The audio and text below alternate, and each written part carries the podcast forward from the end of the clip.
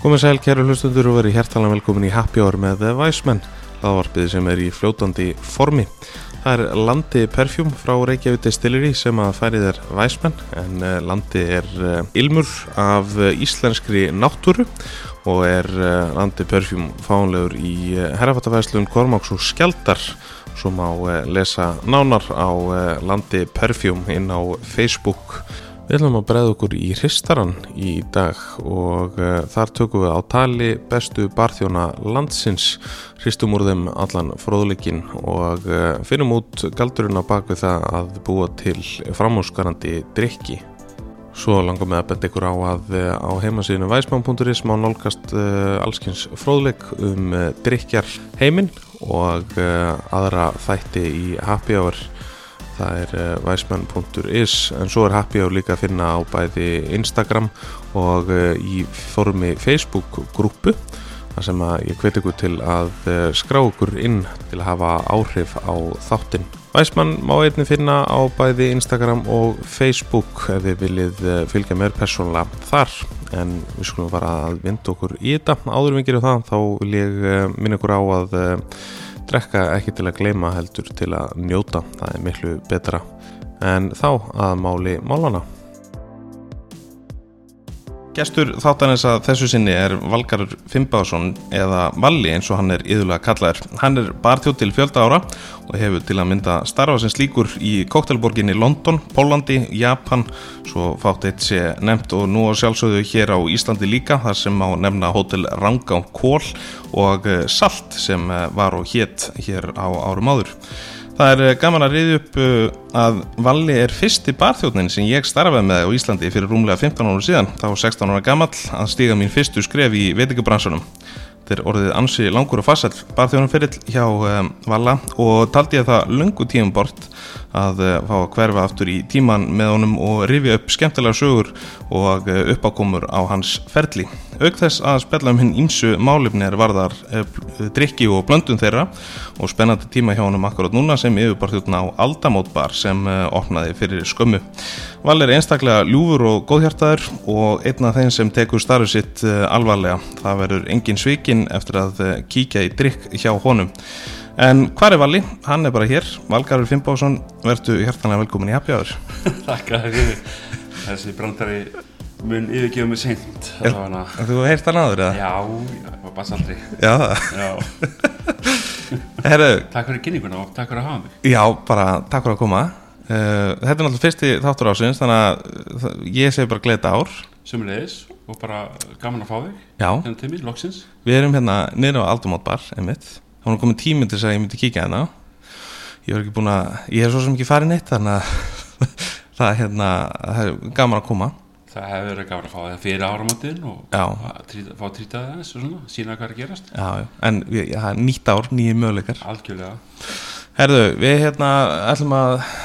Já, það er náttúrulega margt sem að við getum uh, byrjað á en hérna, mér ákveð svona svolítið að, að hverfa aftur í tíma með þér því að þetta er, þú ert búin að eiga eh, langan og farsælan barþjónaferil og mikið svona sem að kannski margir, sérstaklega þessum ungu barþjónum veit ekki um, sko eins og að þú hafi unnið í Japan og eitthvað svona Já, þetta hérna eh, ég byrjaði sem sagt eh, svolítið kannski hérna á öðru sér staðin aðri, ég larði ekki hérna heima ég larði út í útlandum og sem byrjaði að fara í bifurörkina om þegar ég var í mentaskóla og, og hérna þegar ég var búinn þar, þó ég hef ekki lokið sinnsbrófi, þá hérna fekk ég svolítið leið á því og svo hérna ákveði að fara út í líðskóla í Danmörku Já, og var þar í svona, eh, svona dormatóri hérna, eh, skóla og með mikið af góða fólki fór svo til Afríku og var þar í tefla eitt ár uh, að ferðast og sjálfbóðalefinu já, ok og hérna Hvað er þú gammal þannig? þarna verið tvítur Já, og fór til Angola og,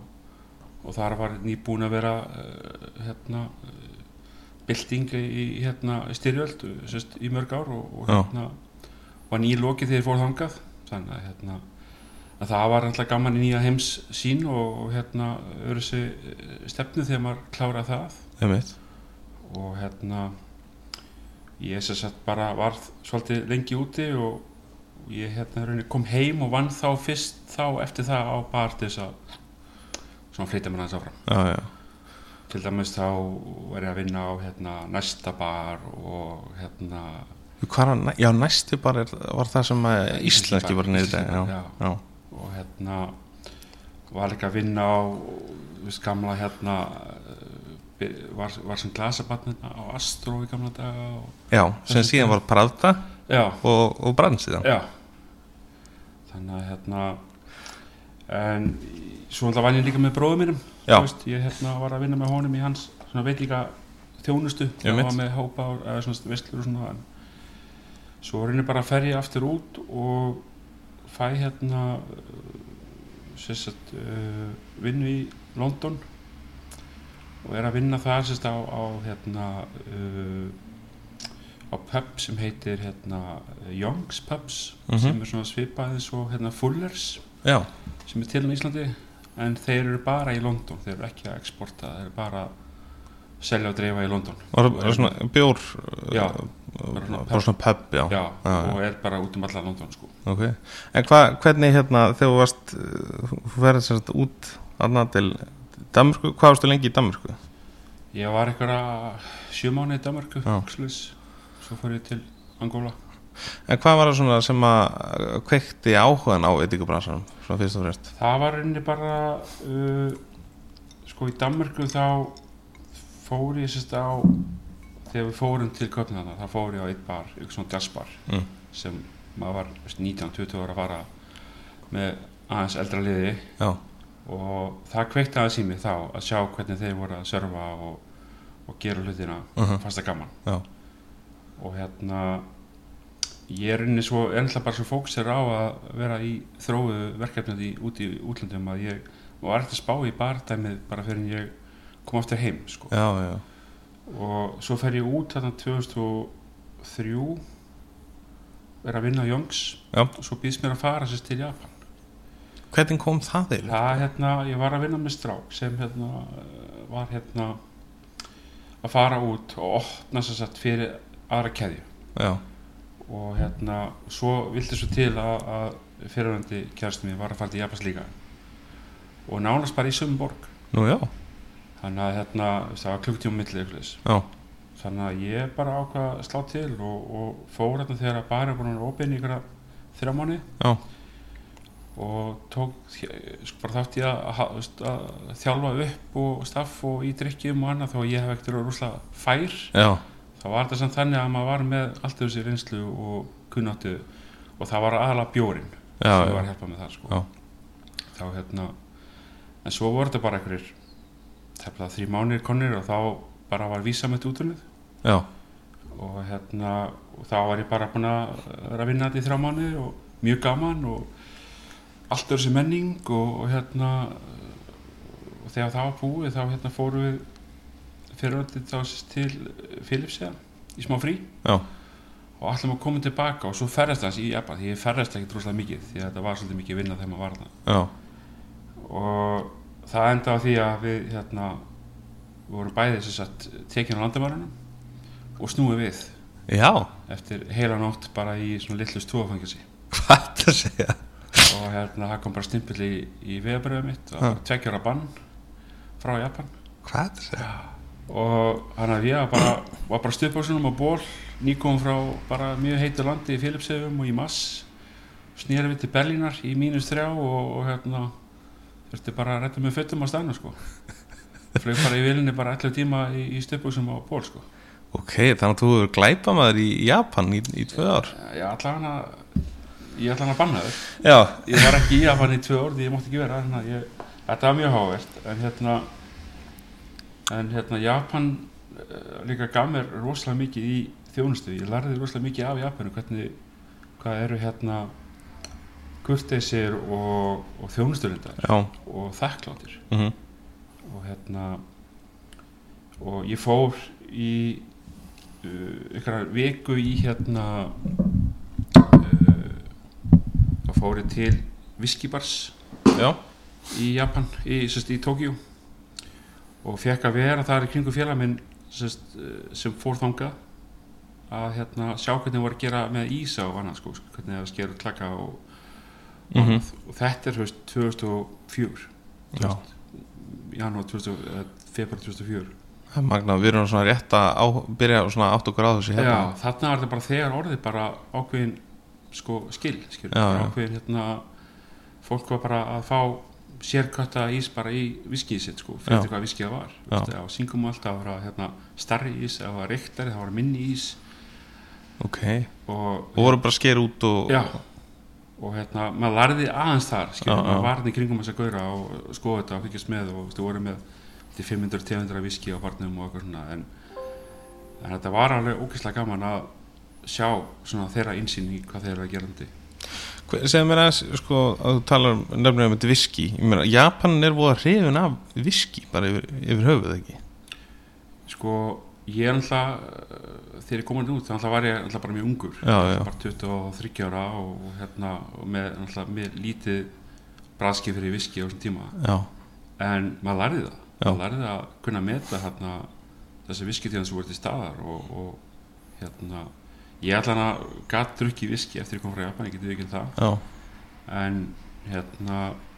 mér fannst mikið til að koma hversu mikið þeir voru stoltir að líka mhm hvað voru duglur eins og við erum að servera bara hérna brennivín og, og íslenska líkjur og sterkvín og annað hvað erum stoltir að því og eða bjóra mhm, að hvað þeir voru stoltir að sínum já viskjum Mættu, nú ætlum ég bara að skjóta strax inn Mm. Mættu vera stoltari af því sem við erum að gera þetta heima hérna, Já. alveg klálega og, hérna, og stiðja betur á bakveð líka Já, þó að hérna Ari til þetta sé hérna eh, eitthvað ákveðið samfélagsvandamál þá er þetta líka íslensk vara Mhm. og er, getur verið mjög flott eh, hérna útlýringsvara Mhm. til margra landa sem hafa áhuga á þessu Já. og við erum algjör að hérna, vera stolt af þessu og stiðja betur við þetta líka algjörlega Förum aðeins í þetta á eftir Já, Hérna, þannig að, já, ykkur er útýst þarna úr já, Japan Hvað, hérna, og Berlín segir Þið farið þangað uh, já ég er bara, nei, ég er bara þurfti að fara þangað því að það, það var flugum Á bara- á- tilbaka á sko. bara flugið, já, Já. ok en hérna fyrir um því þá var ég mitt frá Pólandi og þá endaði ég að fara til Krakkó Já, og uh, veist, ef ég hef tímalína rétt þá var ég þar nokkra mánuði og, og hérna og er svo hérna uh, já fæ vinnu á einhvern góti bara þar, ég man ekki hvað hann heitir nei, Það var nei, líka bara, bara við hæstrýt þarna í, í Krakkó já og er bara framflutið með því aðeins og eh, er mér sagt að, að ég geti fengið vinnu á öðrum stað og ég er hérna að prófa að fara þangað og fyrir vittal og, og ég er svona dýflissubar mhm, og hérna það er mjög svona mikið lenska í Kraká því að mikið af svona underground stöðum sem eru gengið niður í, í gamla rýmið Já, já, þannig og það er mikið af börum þannig settir upp í Kraká Já, Þannig ég ferði við tal og það er eitthvað vola dimtaninni og mikið raukt og svolítið svona exotíst og, og maður er svona já ok og, og, og ég þurfti að fá aðeins meira auka vinnu og, og hérna og hann bara já, kóttu bara hérna vaktina að lauta bara, bara kikið bara á okkur og svona. og ég bara, er bara frábært og við til að fór fram svona á bjagaðari ennsku og pólsku já, maður reyndi bara að skilja það sem að gætt á þessum tíma svo mætti ég í vinnuna á lögataskvöldið og, og hérna þá er bara, já fæ ég bara skirtu og hún þarf að hneft niður allan að þrjá tölur og, og það eru bara menn sem koma að inn og, og þá aukvöldið það að þetta er bara staði fyrir menn sem eru í skápnum já, og hérna því Pólund er alltaf mikið skömm eða mitt og þarna var þetta staðar þar sem að útlendingar og pólverið gætu farið og hitt aðra menn Já, sest á raukstóla já, Ok, magnað og hérna þarna vann ég eitthvað þrjá fjóra mánu Já, náðu að kynna það fyrir Pála Óskari já, ok bað bróðum að senda mér geislitist til Pólans svo ég geti sett á hjá þeim og ég geti Já. spilað það það sló í gegn þá sko Magnað og þá er einu bara fór ég að vinna meira þar heldur en á þessum koti bara Nú, ha? já, og það var bara hérna þú veist, kynntist ég rosalega mikið af svona uh, original pólskun drikju líka bara hvernig á þessu vorum að blanda okkar eigið hérna, okkar eigið svona uh, snafsa Já, með hérna með kirsjuberja Nalefka já, Er það til ekki? dæmis Já, og hérna notuðum mikið subrúfka vodkan til Einmitt. þess að gera drikki í kottala og, og bjór í örbygjófn Já, byrju, það var bara á svo kallt úti að þegar við komum inn og vildum fá eitthvað heitt, vildum ekki veist, þá var alltaf ekkert Irish coffee neitt, veist, vissi ekkert af því, það var Nei. bara bjórinn í örbygjófn og svo bara heitur bjór já. Já. Það er magnað. Mm. Er það gott eða? nei, Nei. alls ekki En þeim fannst það? þeim fannst það af því að það var svo kallt úti og gott að koma inn og fannst það bara Já. heitur bjór og svo var bara ískaldur bjór eftir á sko. Magnað. Já, ég þurfti svolítið að fara aftur tilbaka hérna og muna hvað ég var að servera hérna, það var alveg mjög skittin hlutir sko en svo var líka mikið af svona underground dóti sem var ekkert endilega keft inn, það var bara bruka á stannum sko Nú að það, Já, ok.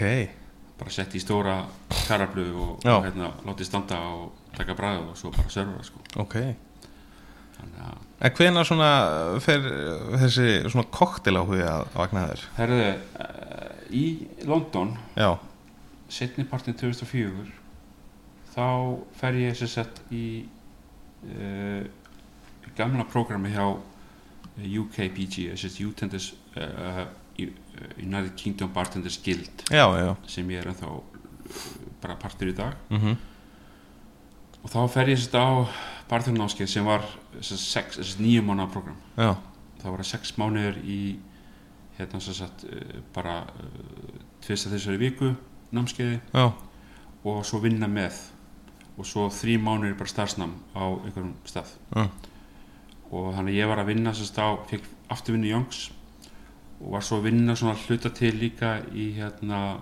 Ministry of Sound sem var á Lester já, Square. já, já. Var það bara nætuklubur eða ekki? já, Já. það voru alveg fjóri barið þar og Mm ég var oftast að vinna í lánsinu þar sem var magna, það var kannski bara 200 massa niður þegar massa var og Já, bara, og hann bara fræðastu DJ-r í heimi og... já, mikið af hlósa DJ-num og, og hérna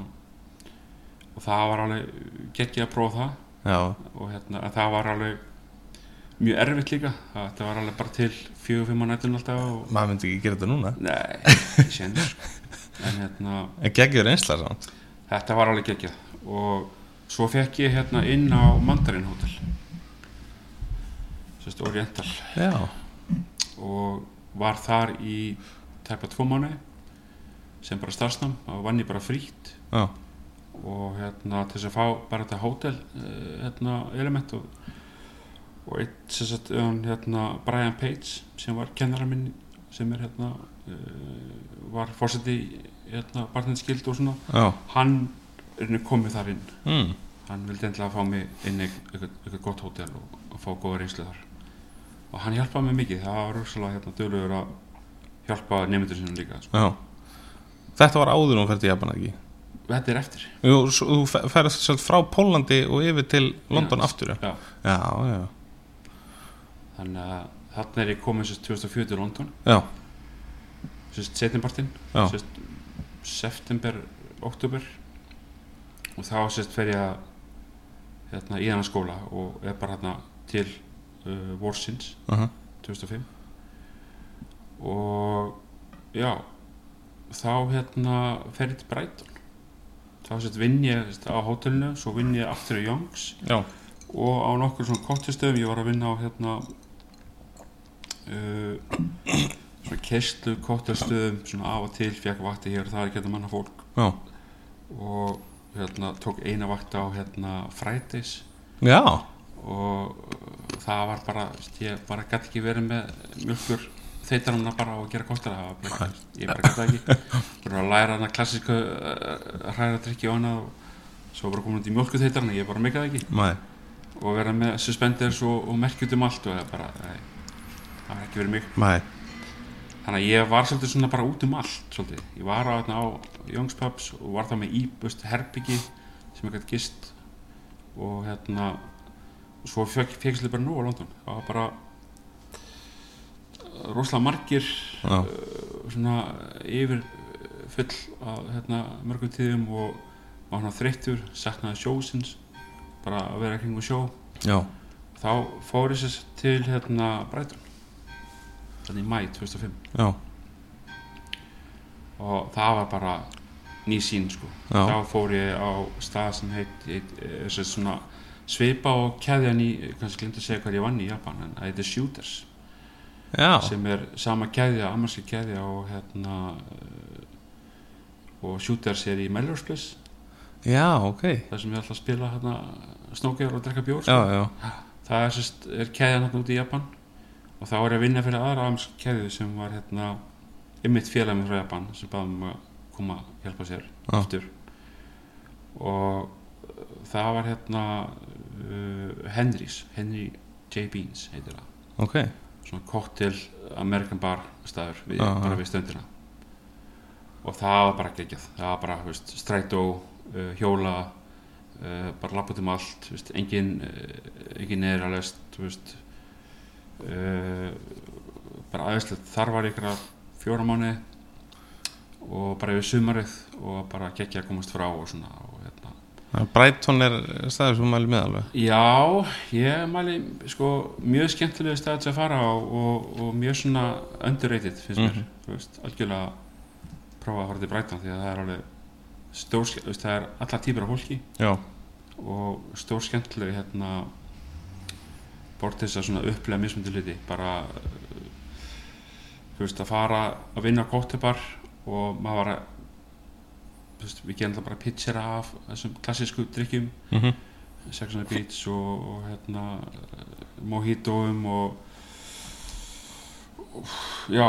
Tequila Sunrise og bara kalla alltaf það klassiska leðra Já, já, dæmi en já. en þetta seldi svo mikið að, að- að þú ert alltaf verið svona fest skilur Ég mitt, og hérna þegar maður er við stöndin og svona en, en hérna en maður gett enda þú veist á eftir vakt ykkur stær á öðrum bar og allt innu bara gett bara fapp á slimur að spila undir skilur nú það, já já ok eða Faithless eða þú veist, eitthvað svona eitthvað stór nöfn sem voru bara komandi að spila fyrir mjög fáa sko, þú veist, bara litlan bar Hvað er þetta? Magnað Já, þannig að það var hérna Þannig að þú kynnist Mojito þarna Svolítið Já, því miður Það var- en samt alveg fínt að ætla að kunna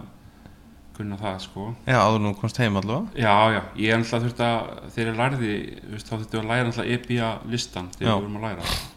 og það er sko lámark 80 kóttar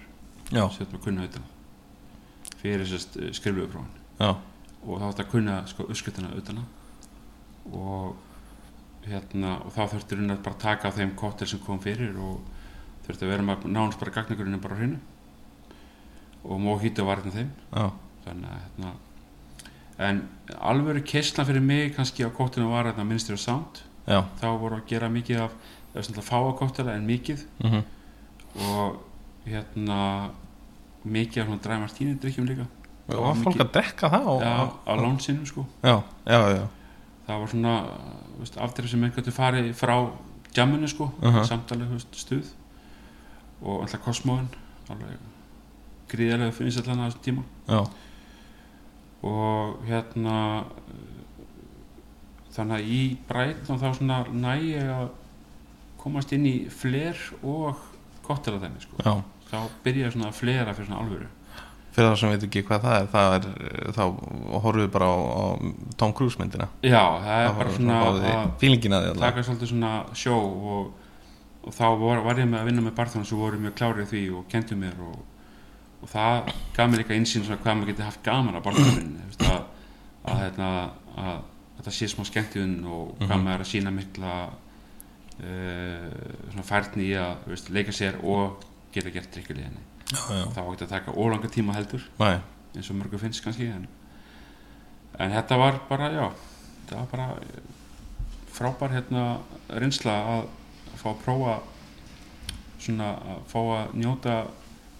Brighton á móti London já, og að og svo mikið, mikið af fólki í London og svo mikið að gera Já. og þú veist, þú kannski aldrei farið bara og ætla að þetta sé bara fín vakt þetta var alltaf bara klikkuvakt sko já, það og hérna og maður svona fekk svolítið svona njóta sinni í Brighton þú veist, það var þú veist, jú, mikið að gera en samt þú veist, gaman, þú veist, mikið Já, ah, já. skemmtilega að vinna undir svona meira svona frálsæði og Einmitt. þannig. En var þetta ekki á þessum tíma svo út í London, var þetta ekki þegar þú veist Dick Bradsell var upp á sitt besta og eitthvað svona? Jú, þetta var náttúrulega, sko, ég var svo ógæslega heppinn að kynnast þarna tveimur legendum sem voru gestakennarar Já, á þessu sex mánu tímbili og það var Píti Durelli já, sem er bara einn af minnum uppáhalds uh, bara barþjónum hann er uh, mjög mikið legend í, í þessum bransa algjör uh, hérna uh, ekki bara legend, hann er bara hann er bara maður sem að endurskrifa Savoy söguna einmitt, og hérna hann var sérst uh, gestakennar hjá okkur og hjálpa okkur rosalega mikið að upp á þjónustu dæmið að segja okkur hvernig við ætlum að bera okkur að og þegar fólk kæmi og taka á móti því og já, já, opna okkar heim fyrir þau uh -huh, þegar þau eru að sækist í eitthvað annað en þau eru vun uh -huh. og, og hann kom með rosalega góð insinn inn þú veist, þegar hann sagði okkur sögur þegar hann var að servera Tín Martin hérna þú veist, uh, Sindrik eða James Bond kom og baðum þú veist, þó að hann var í að leika þú veist, James Bond og kom og þú veist,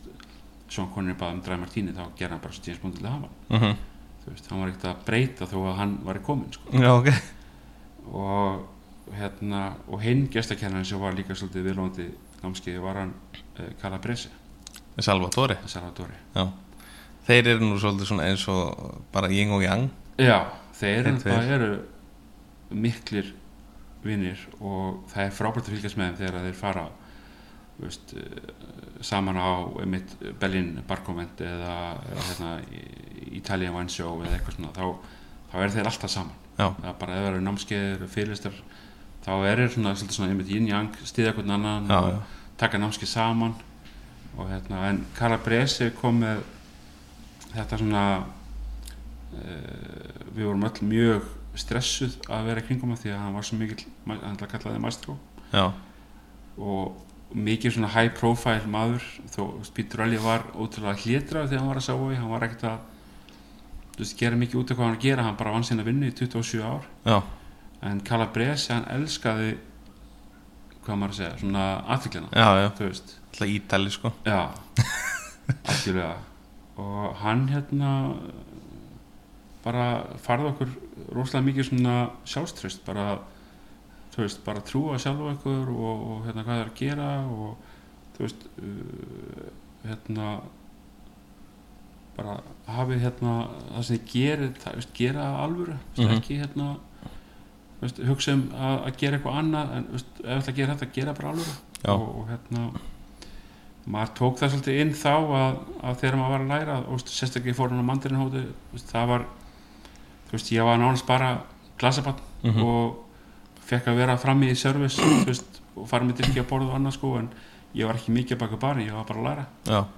og það þarfti alltaf bara x tíma að, að bak við staðinn að voru fara að fara að vera barnum já, já, og hérna, en það var gríður reynsla hann að ég tek þegar hann var með okkur þá þurfti ég alltaf bara að standa mig og, og maður gerði það en en það var löng leið að komast inn á barinn já, og maður var kannski svolítið óþjóðumaður maður kannski hætti að býða hans lengur en,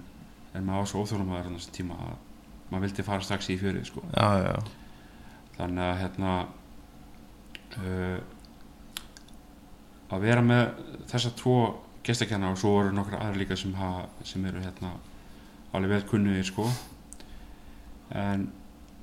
það gaf mann svo mikið að vera með menn sem gátu þú veist, uh, voru high profile en samt á okkar leveli mhm, í námskeiðinu sko já, já. þannig að já, Herðu, og eftir Brighton, hann eru konur í hvað, 2005 já, já 2005 þá sem sagt uh, þetta er við þá fer ég aftur til London Já, og vinn á hérna, það er hvað fyrir bara service já, já, hérna, þá fer ég í rauninni uh, svolítið svona vappið bara ég er að hérna, ég er einmitt ennþá með sömu uh, koninu þá og fer hans til Pólans eða eitthvað tíma þar og var ekkert svona eitthvað að leta mér að vinna, ég var bara hans að ferðast já, fór að heimsóti vini mína sem voru með í námskeiðin held ég þarna í, í Danmarku og fór með til Afríku og, og var svolítið að ferðast bara og svo mann ég bara hérna deginu fyrir bara ammálstæða móðum minnar bara í desember eða sérst 30. november bara var ég í London og ég er með sérst tvo bakboka og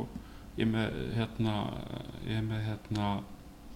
snjóbrettið mitt og uh, er eitthvað að fara og leita með eitthvað herbyggi ykkur staðar til þess að vera þú veist, einhvern ekki tíma og fá vinnu og, og hérna kannski að fara til Krakow, ég var ekki alveg viss hvað það er að gera og svo bara, neðu, herri, ég bara það var heim já, þannig ég bara bókaði um flug og hérna svo að brjála viður fyrsta des kemur á fluginu orð var aflýst Já. og það átti að vera sem surprise að ég koma heim í ammáli móðum minnar en það var ekki en ég kom heim annan des og þá bara ekkert með bara dætti hans inn heima bara nýtt þess að vera heim í jólin og hitta vini og andamenn og, og hérna og var svona kannski að leiðin aftur út já, en svo hérna var hann að benda á saltið já, og hérna sá að þeim vantaði barþjóðun og, og það átti kannski bara að vera eitthvað svona tímambitið uh Mhm. bara ég var ekki viss hvað til að gera næst þannig að hérna já þar byrja saltsagan sko já það er, eh, var náttúrulega það sem að 1919 Já. hótelið er í einu flottasta húsinu bara í Reykjavík já, það er náttúrulega Gamla ógeðslega Eimskipahúsið. gott. já og þar náttúrulega eh, hittust við í rauninni í fyrsta skipti Er ég finnst ekki að vera 16 ára varstu svona unga ég trúi því ekki já, varstu ekki á sundin ári samt eða Nei. 2006 nei, ég Nei. var 2006 var þetta- þetta var 2006? já ég var 27 nei, þetta var 2006 vegna þess að ég byrjaði að læra síðan 2007 já í kjölfarið já. Já, þetta var 2006 sko, Já. alveg bókamál ok og ég held ég hafi með þess að verið sko Já, ég var á 16. Ég var 16. eða 17. ári Já, amal í oktober sko, það getur vel verið ég hefði fyrir Þú erum að vera já, dett í 17 þarna. Sennilega Jú, það stemmir Já, Salt uh, var hérna opnað í júni 2005 og þá hérna var yfirbarþjóð sem kom frá Þýskalandi hann Stefán Ólafs, Já, miklumistari já, ég þarf nú að fá hann í þáttin eitt Já, það er ef þú vilt hann í viski þá talar við hann mm -hmm. uh, hann hérna var búinn að sem sagt, vinna yfir sig á Já. þessum sex mánuðum og þá kom ég inn hérna og, og datt bara, fjall bara rosalega vilin í hópin og hérna var bara barþjóðn á andra vattiri á móti honum og, og hérna var strax ánað með lefilega gott til þess að með og hérna ég get ekkert- ekkert rauninni sko betur bætt mikið nema kannski að koma með eitthvað sem ég fannst uh, virka betur á Amerikana og Britana Já, og hérna stefna var þá um þetta uh, ég manafla að við erum að nota alltaf aðkefta djúsa já, djúsan keftum voru bara einhvern veginn svona uh, kristi í flöskum og, og það var ekki nógu fest uh Aha. veist, út í London það var alltaf fest já, skilur. já, og þá byrjuðum við einmitt að nota svolítið mikið bara meira fest sko. þú veist uh, uh, hættan að nota púr þú veist, það var nota púrur eitthvað ekki og hættan að nota púrur og Mhm. og hérna ef ég man það rétt þannig sko það er svolítið langt síðan en svo hættir Stefán uh, bara um sumar eða eftir sumar 2006 og þá er ég sérst tekið við sem ég er bara já, og það er rauninni bara var til þess að ég gæti svona sett mín eigin stefnu líka Step, stefni alltaf var með sína stefnu og allt það og bara ógeðslega flotta stefnu svo þetta öllum að gera eitthvað sjálfur já, og það var einmitt bara að færa svolítið mitt hérna uh, svolítið svona aðeins meiri stemningu þú veist, þetta var stundum svolítið rólegt með mitt og við gáttu svolítið gert því að við vorum svo góður ími mm Mhm. langt frá hótelherbyggjum og annað og gáttum sett svona eh, aðeins meira svona tempó í tónlistina og servicið mm -hmm. og hérna það gekk bara mjög vel það bara eh, barinn gekk rosalega vel, veitingstæðan gekk ekki vel það var bara alltaf tómur nema á fútnu fenn Já, þá kom fólk að borða en hérna salti var bara gríðlega góð reynsla og, og rætti svo bara hérna, keðjan var bara uh, mjög góð insinn inn í hótel starf líka því að maður var kannski einmitt bara búin að vinna á einu, tveimur hótelum auðan fyrir utan þetta já, og þarna komst maður svolítið inn í svona hótelbransan hvernig þetta var og, og hérna og kynntist mjög mikið að góðu fólki þetta var rosalega hérna uh, þétt bara saman þú veist, Einmitt. bara lítið fjölskylda á 1919 og, og hérna, já, ennþá góða vinni þaðan já, eins og bara, þú veist, fólk sem er komið að vinna hér, þú veist, maður reynir að halda góðum tengslum með allt, allt fólk algjörlega mér rámar í eitt svona fyrst við erum að tala um þetta eh, að því ég, ég var nú ekki lengi þarna sko, ég var alltaf bara og veist bara nakkið frá sjálf og sig já, ég, alltaf ekki frá Selfossi en Nei, ok, leist, leist út þegar nakkið frá sjálf og sig já, ég, ég skal alveg taka, Eða taka nú um reyðið það það. ég, ég man eftir sko þá kom einhver gaurana sem var pínu lítill sem hétt Sean eða eitthvað mannst eftir því og var, hann var allt, rosalega ofirkur og allt í hennu var hann bara farin að þrýfa glugga og eitthvað, þetta var einhver svona gaur sem kom að utan frá Radisson keðinni eða eitthvað svona Varstu Já, ekki- jú það var svona einhver gæðastjóri Já, já. sem kom frá rætið svona alveg rétt já þú myndast að hann Vá uh, Já, það kom sem sagt alltaf uh, menn frá Norðurlöndunum Já, eða, já. eða þú veist, sem voru kannski með y- yfirum ná, sagði, í kannski UK, Ísland og Nóri eitthvað já, sko, já, voru að ferðast og, fa- og, og, og, og maður þetta alltaf við alltaf einhvern staðlið alltaf emitt og það var einmitt sko líka með uh, sem sagt hvernig gluggan lit út rík, safn og hérna og, og bara alls konar svona þrif uh, hérna aspects bara að, Já, já, já. þú veist, hvað er alltaf þeirra lagi þannig að hann kom bara og var þú veist, bara aðtöð hvort það er ekki það hvort að gardinu var reyksuðar og svona þannig að hérna ég, ég man eftir því ég hérna uh, sko, ekki það skiptir engu máli sko, en- Nei. en ég bara allt í henni datt í hug sko. uh, gaman að því Já, ég meina, þetta er einmitt sko þú veist, þegar menn mun eftir svona ég man ekki eftir þessu, en um leið og segja það þá man ég þetta sko já, já. en hérna ég man eftir samt einu var þetta ekki, af því ég man að þarna talandi um happy hour eins og hlaðvarpið heitir þetta er í fyrsta sinni sem ég sé happy hour á Íslandi, á salt og ég er þetta ekki bara með fyrstu stöðunum sem að byrja með happy hour Ég er bara ekki alveg viss nei, Ég hérna, ég man að við vorum með þess að ég myndi að segja á gleðistund já, uh, alltaf frá sko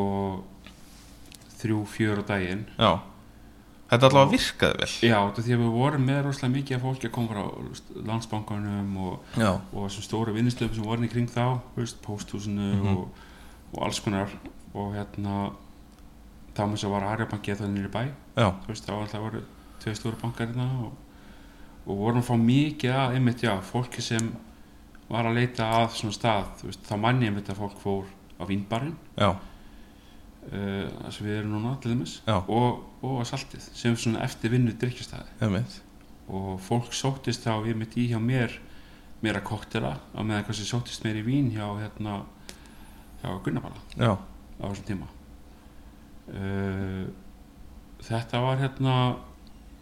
og þá líka þú veist vorum við að spila með náttúrulega þá drikki sem voru kannski ódýrari í, í kostnaði já,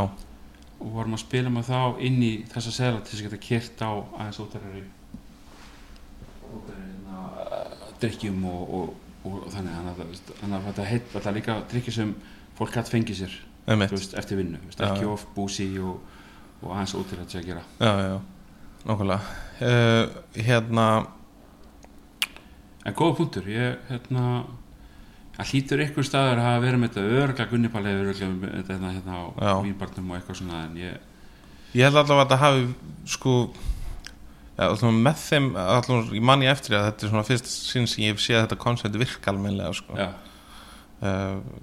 núna eru náttúrulega allir með þetta og staði sem ættu kannski bara að gera eitthvað annað með sér sko, líka Sammála því, þetta er náttúrulega svolítið Ofnota, svolítið sko. ofnota og líka svolítið amerist já, og hérna og staðnir geta nú alveg kannski kallað eitthvað annað eða eða fundið eitthvað annað þema já, já, þetta er náttúrulega bara orðið svo mikið brand sko. Já, en í raun og veru, ef þú tekur alla staðin hérna heima, þá ætti þetta að heita sko happy hours, af því að það er aldrei bara eitt klukkutími sko. algjörlega, þetta er bara eitt mjög langur hlutími Nákvæmlega, nákvæmlega Herðu, ok uh, Síðan frá salt uh, Hvert leikur leiðin þá? Saltbarinn var alveg sko uh, var ég þar í tæp tvö ár já, fyrst og hérna þá býst með þessist að fara í heilsur já, og hérna þá hérna sérst fer ég að vinna fyrir K. Karlsson já, og þá í rauninni hérna eh, var ég einmitt líka að pæla að fara út aftur en svo tók ég smá uh, nám líka í hérna í Háar í gamla, sérst, gamla stænum og- með Já. tekniskólanum og þá þurfti ég að bara fá dagvinnu ok, og náði svona, ekkert meina, selja það, þeim þá hugmynd að að ráða þeim barþangir er mjög sniðið upp á vörumarkið að gera já, að selja þeirra vörumarki inn á barina og hjálpa barþangum og annað og, og þeim fannst þetta góð hugmynd og hérna, þó að ykkur annar hafi verið, verið nú þegar það þá var hann kannski ekki alveg jafn mikið með tengsla markaðum eins og ég var með þá mhm, og þá fór ég að vinna í því sko en svo bara nokkur mánum eftir þá hérna fer í gang uh, annar projekt já. sem uh, Gunnar Rappn býðum að taka þátt í Þannig erum við náttúrulega detta í sko í góðærið Já, Það er hótt að segja það þetta er sérst í lók 2007 ég fer inn í svona vinnu hjá Kákalsinni og sama tíma runni bara mánuð eftir þá býður Gunni mér sérst að taka þátt í verkefni sem er í turninu hm, Ég kom búið á 20 stæð Já. og þar er, náttúrulega, var veislusalur og sem Gunnar var að stjórna og svo byrða mér um að sem taka við barnum þar og þá var einu var ég hættu að fara alvút þá var einu bara komið tværvinnur og tvinna saman sérst dagvinnu og svo að opna glænið projekt í mæ 2008 það var stjórna mm og Það var rosalega bar Það var sko, það voru foss, fossar Sigur með við Það er klálega flottasti bar sem ég bara prótið sem ég tekið átt í og það var hérna einmitt þá var ég byrjar að infúsera þá var bara búið að setja upp seðil, þú veist, ég fóði til Svíþjór heimsætti Absolut og Sandi og, og hérna fór einmitt og skoðaði Skybar þar mm -hmm. þess að sjá hvernig það var að virka á þeim, hvernig var að gera hvernig service leveli væri og annað því að þetta átti að vera svona, svona high-end cocktailbar Mm -hmm. og varinu bara opnað sem cocktailbar ekkert sem ykkur bjórbar eða eitthvað Mhm. þetta bara mainstreamu var cocktailar Já og, og fín vín sem alltaf Gunnar Rapp vildi hafa mm -hmm. og þá fengum við alltaf bara að ráða uh, allra hönn á barnum þannig að ég náði að feka hanna bara með Gunna og, og hann var bara örgla með þeim flottari börum á landinu sem við erum hannaður Þetta var mjög flott sko Já, og hérna og þarna var ég einu bara komin svolítið svona á mitt pík held ég 2008, 27 ára gamall og með góða reynslu og vissi nákvæmlega hvað þetta gera þú veist, ferðin til Svíþjóð var mjög góð til þess að fá uh, upplifun á svona skæpar Mhm. umhverfi uh, vinna með Kalle Ká komin í samband við fullt af flottu fólki á utan Já. og hérna mér sér tók hérna uh, uh, tók gestabarvakt í Danmarku eftir hérna að einn aðri kom frá Absolut og Bols og var með námskeið hérna heima Já, þá hérna tók hann námskeið inn á, inn á barnum og svo fórum við út nokkur þrý strákar og tókum gestabarvakt sem var mjög gaman mm -hmm. en þetta próstið var bara algjörlega bara svona hátindur held ég á mér já, þarna var ég að píka bara og, og koktelin voru bara algjörlega þú veist, var að byrja að infúsera og var að taka svolítið inn London style og, og hérna uh, nota íslensk nöfn og, og hérna og þetta var bara, já örglega fóttist sér sem ég hef gert sko mm -hmm. og, og hérna það er bara við opnum í mæ 2008 og hérna þá var ég að finna þessast tveimur vinnum, dagvinnu og mæta það og opið miðugut til lögadags á sem kottibar já, og það var mjög erfitt þannig að veist, yfir sumari þá hafði verið að vinna kannski 450 tíma á mánuði Jesus Já. og, veist, og, það, og ákveðna veistlur inni, innifæli það Já, líka og, svona, já. og svo alltaf bara kotti bara inn og, en frábær hérna eh, ég sérst ákvað svo hætti á kákalsinni þannig í ágúst já, þetta bara var mikið og ég sá bara að barinn væri bara að fara að ganga mjög vel þegar það gekk mjög vel á já, barnum já. mikið að gera svo hérna uh,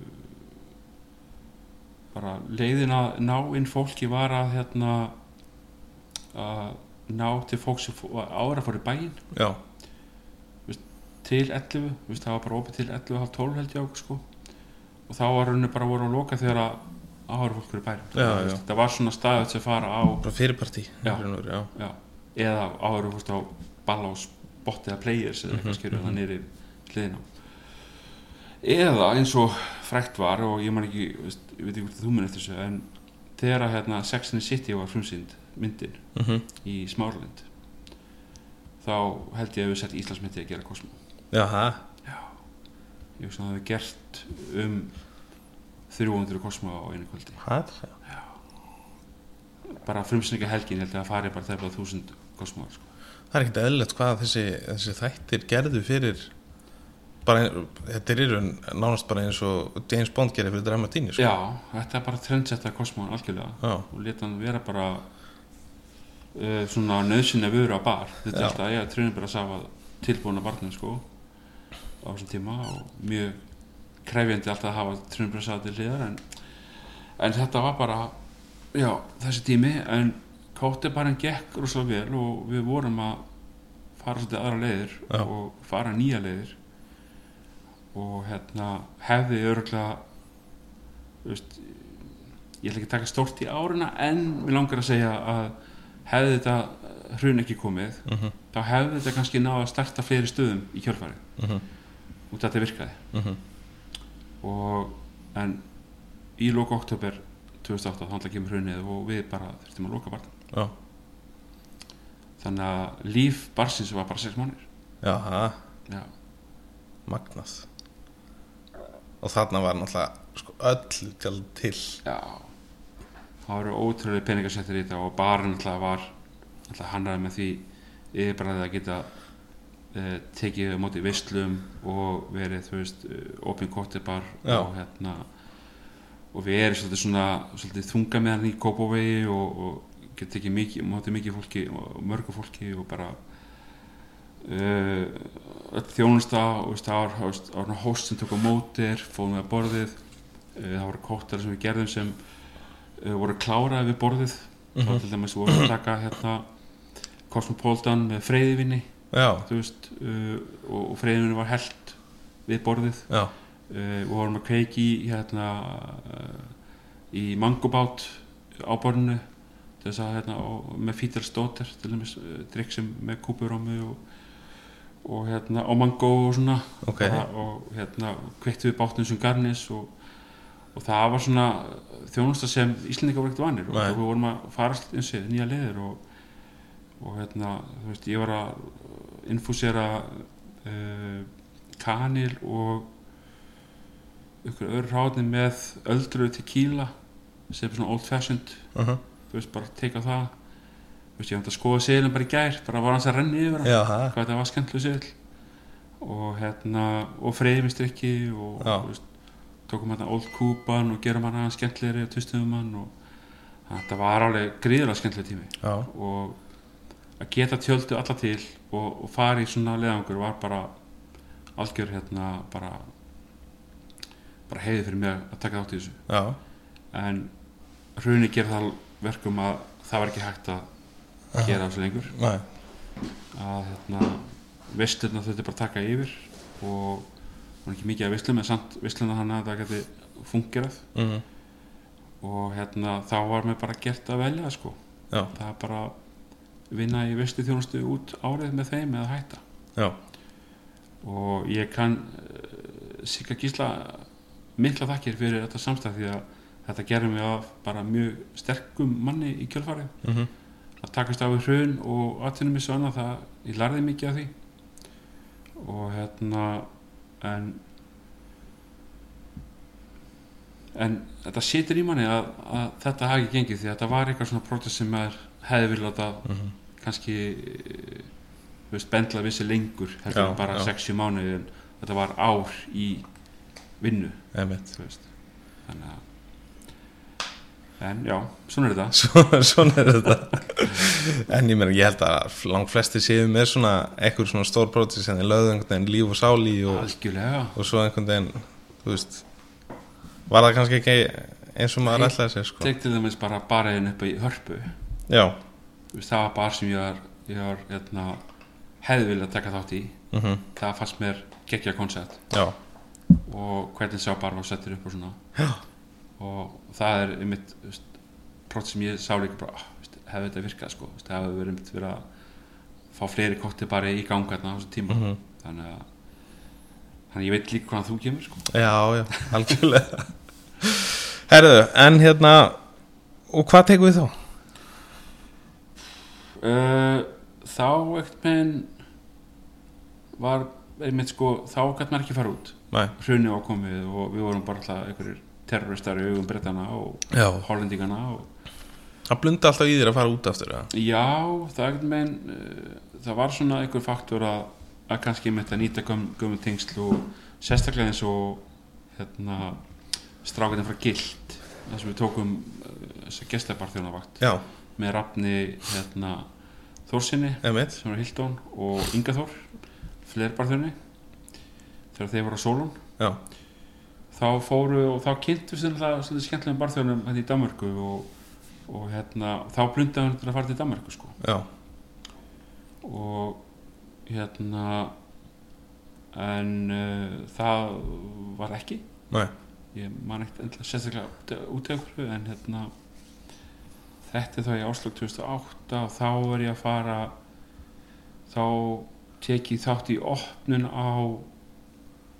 Rex Já. aftur já nætturklúpi sem var mjög stuttlíft það var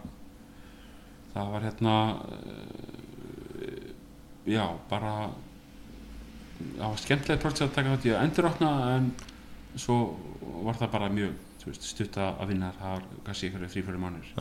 Það er það sem er Londrómatir í dag já, neður að það var þannig klubburinn og, Já, og það sko uh, svo tók ég þátt í opnum á Skandinavia á löfi já,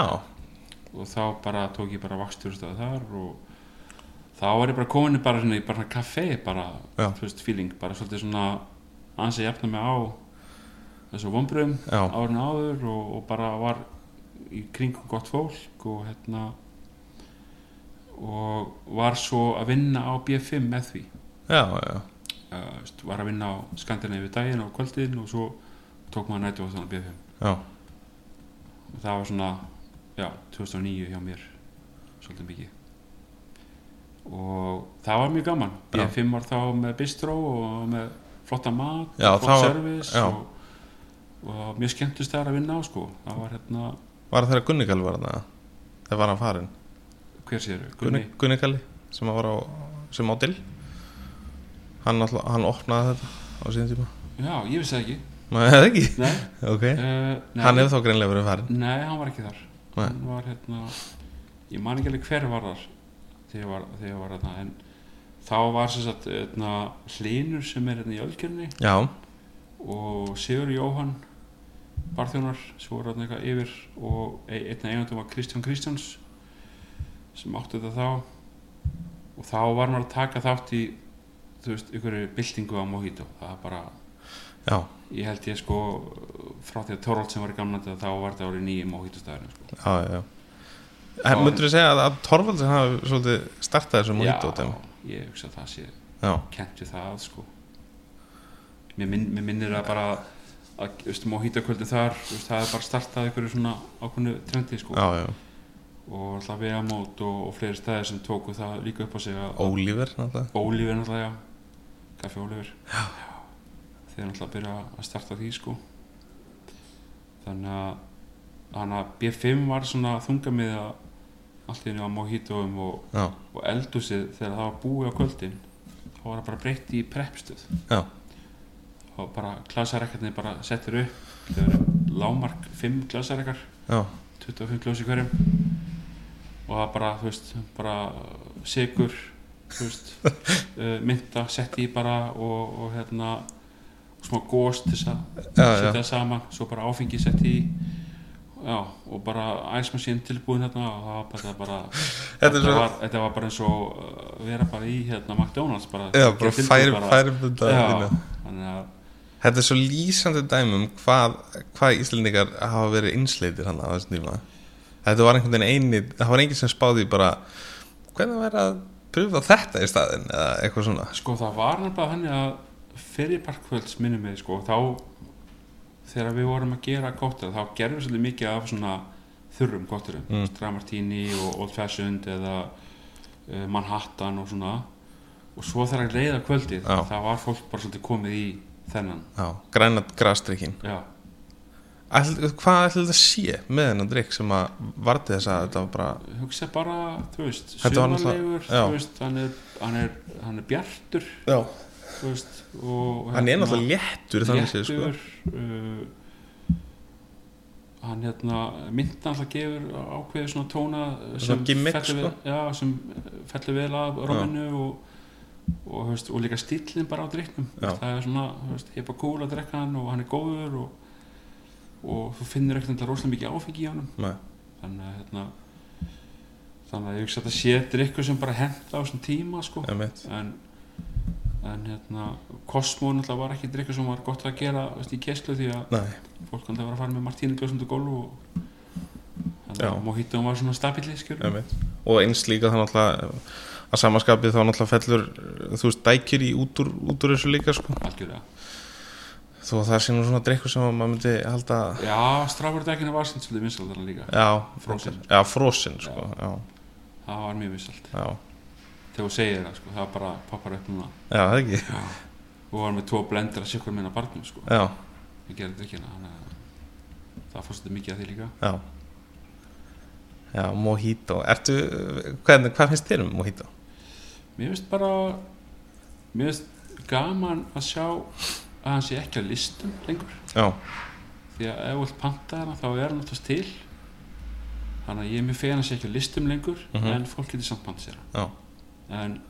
það getur alltaf verið tvist, það getur alltaf verið eins og hús vil gera Já, það, já. Veist, að það getur alltaf verið bara sér klassíski sko. mm þannig að hérna uh, minnst hann bara drikkur sem alveg bara helst í stað og, og þú veist, hann er ennþá í topp uh, top 50 trending já, já, Gott já, um í já, heiminum. já, og hérna hann ætla bara, þú veist þetta er svona, ég set hann aldrei á listaðið með lengur nei, þegar það, ég þarf þess ekki nei, nei, það er bara drikkur sem ef fólk langar í hann þá bara panta sér hann. já, Það er nokkulega bara- þannig að hérna ég hef ekkert að móta hann ég Nei, nei, nei. bara, þú veist, þetta er bara drikkur sem bara mótaði svolítið stefni Íslands í kóttunum og, og bara góðan hátt þannig að Já. fólk fara, þú veist, við fórum að flytja inn fleiri ráðni, já, fesk ráðni örglega kjörfarið, já, algjörlega, hann hefur náttúrulega þú veist, komið því svolítið að stað að, að opna nota nýja fest sko. vittir þar og, Já. og hérna og fólk líka þorir að nota þetta eh, ákveð ráðn í drikki þannig, Mhm, þannig að það er bara gott sko. já, Þetta við tökum svo mikið áhrif annars það frá mikið til okkar algjörlega þegar að trendsæti byrja úti þá bara byrja við að apa eftir og, Já. og hérna og svo breytist það Þú veist, Já, það já. kemur alltaf eitthvað trend trend inn á milli þannig að ekki spurning sko en finnst þér við stundum vera uh, að því oft er markaðurinn okkar ekki tilbúin einhvern veginn að taka á móti svona trendum erum við stundum og fljóta að taka inn eh, svona nýja flókna hluti Sko ég held að áður fyrr að að barþjóninni hafi kannski ekki haft þekkingu á hráfnum og stílnum Aha. sem var tekið inn þú veist, með stundum fyrirvara já, og voru kannski lengi að móta þessu skoðun á því mm -hmm. í dag þá eru barþjónar miklu kannski búin að ferðast meira emitt kynast uh, miklu meiri hérna, uh, upplýsingar til til þess að komast í miklu öðaldara mm -hmm. þú veist, þú getur fara bara á Difford's Guide og fundið allt sem þetta vinna Já, gott til að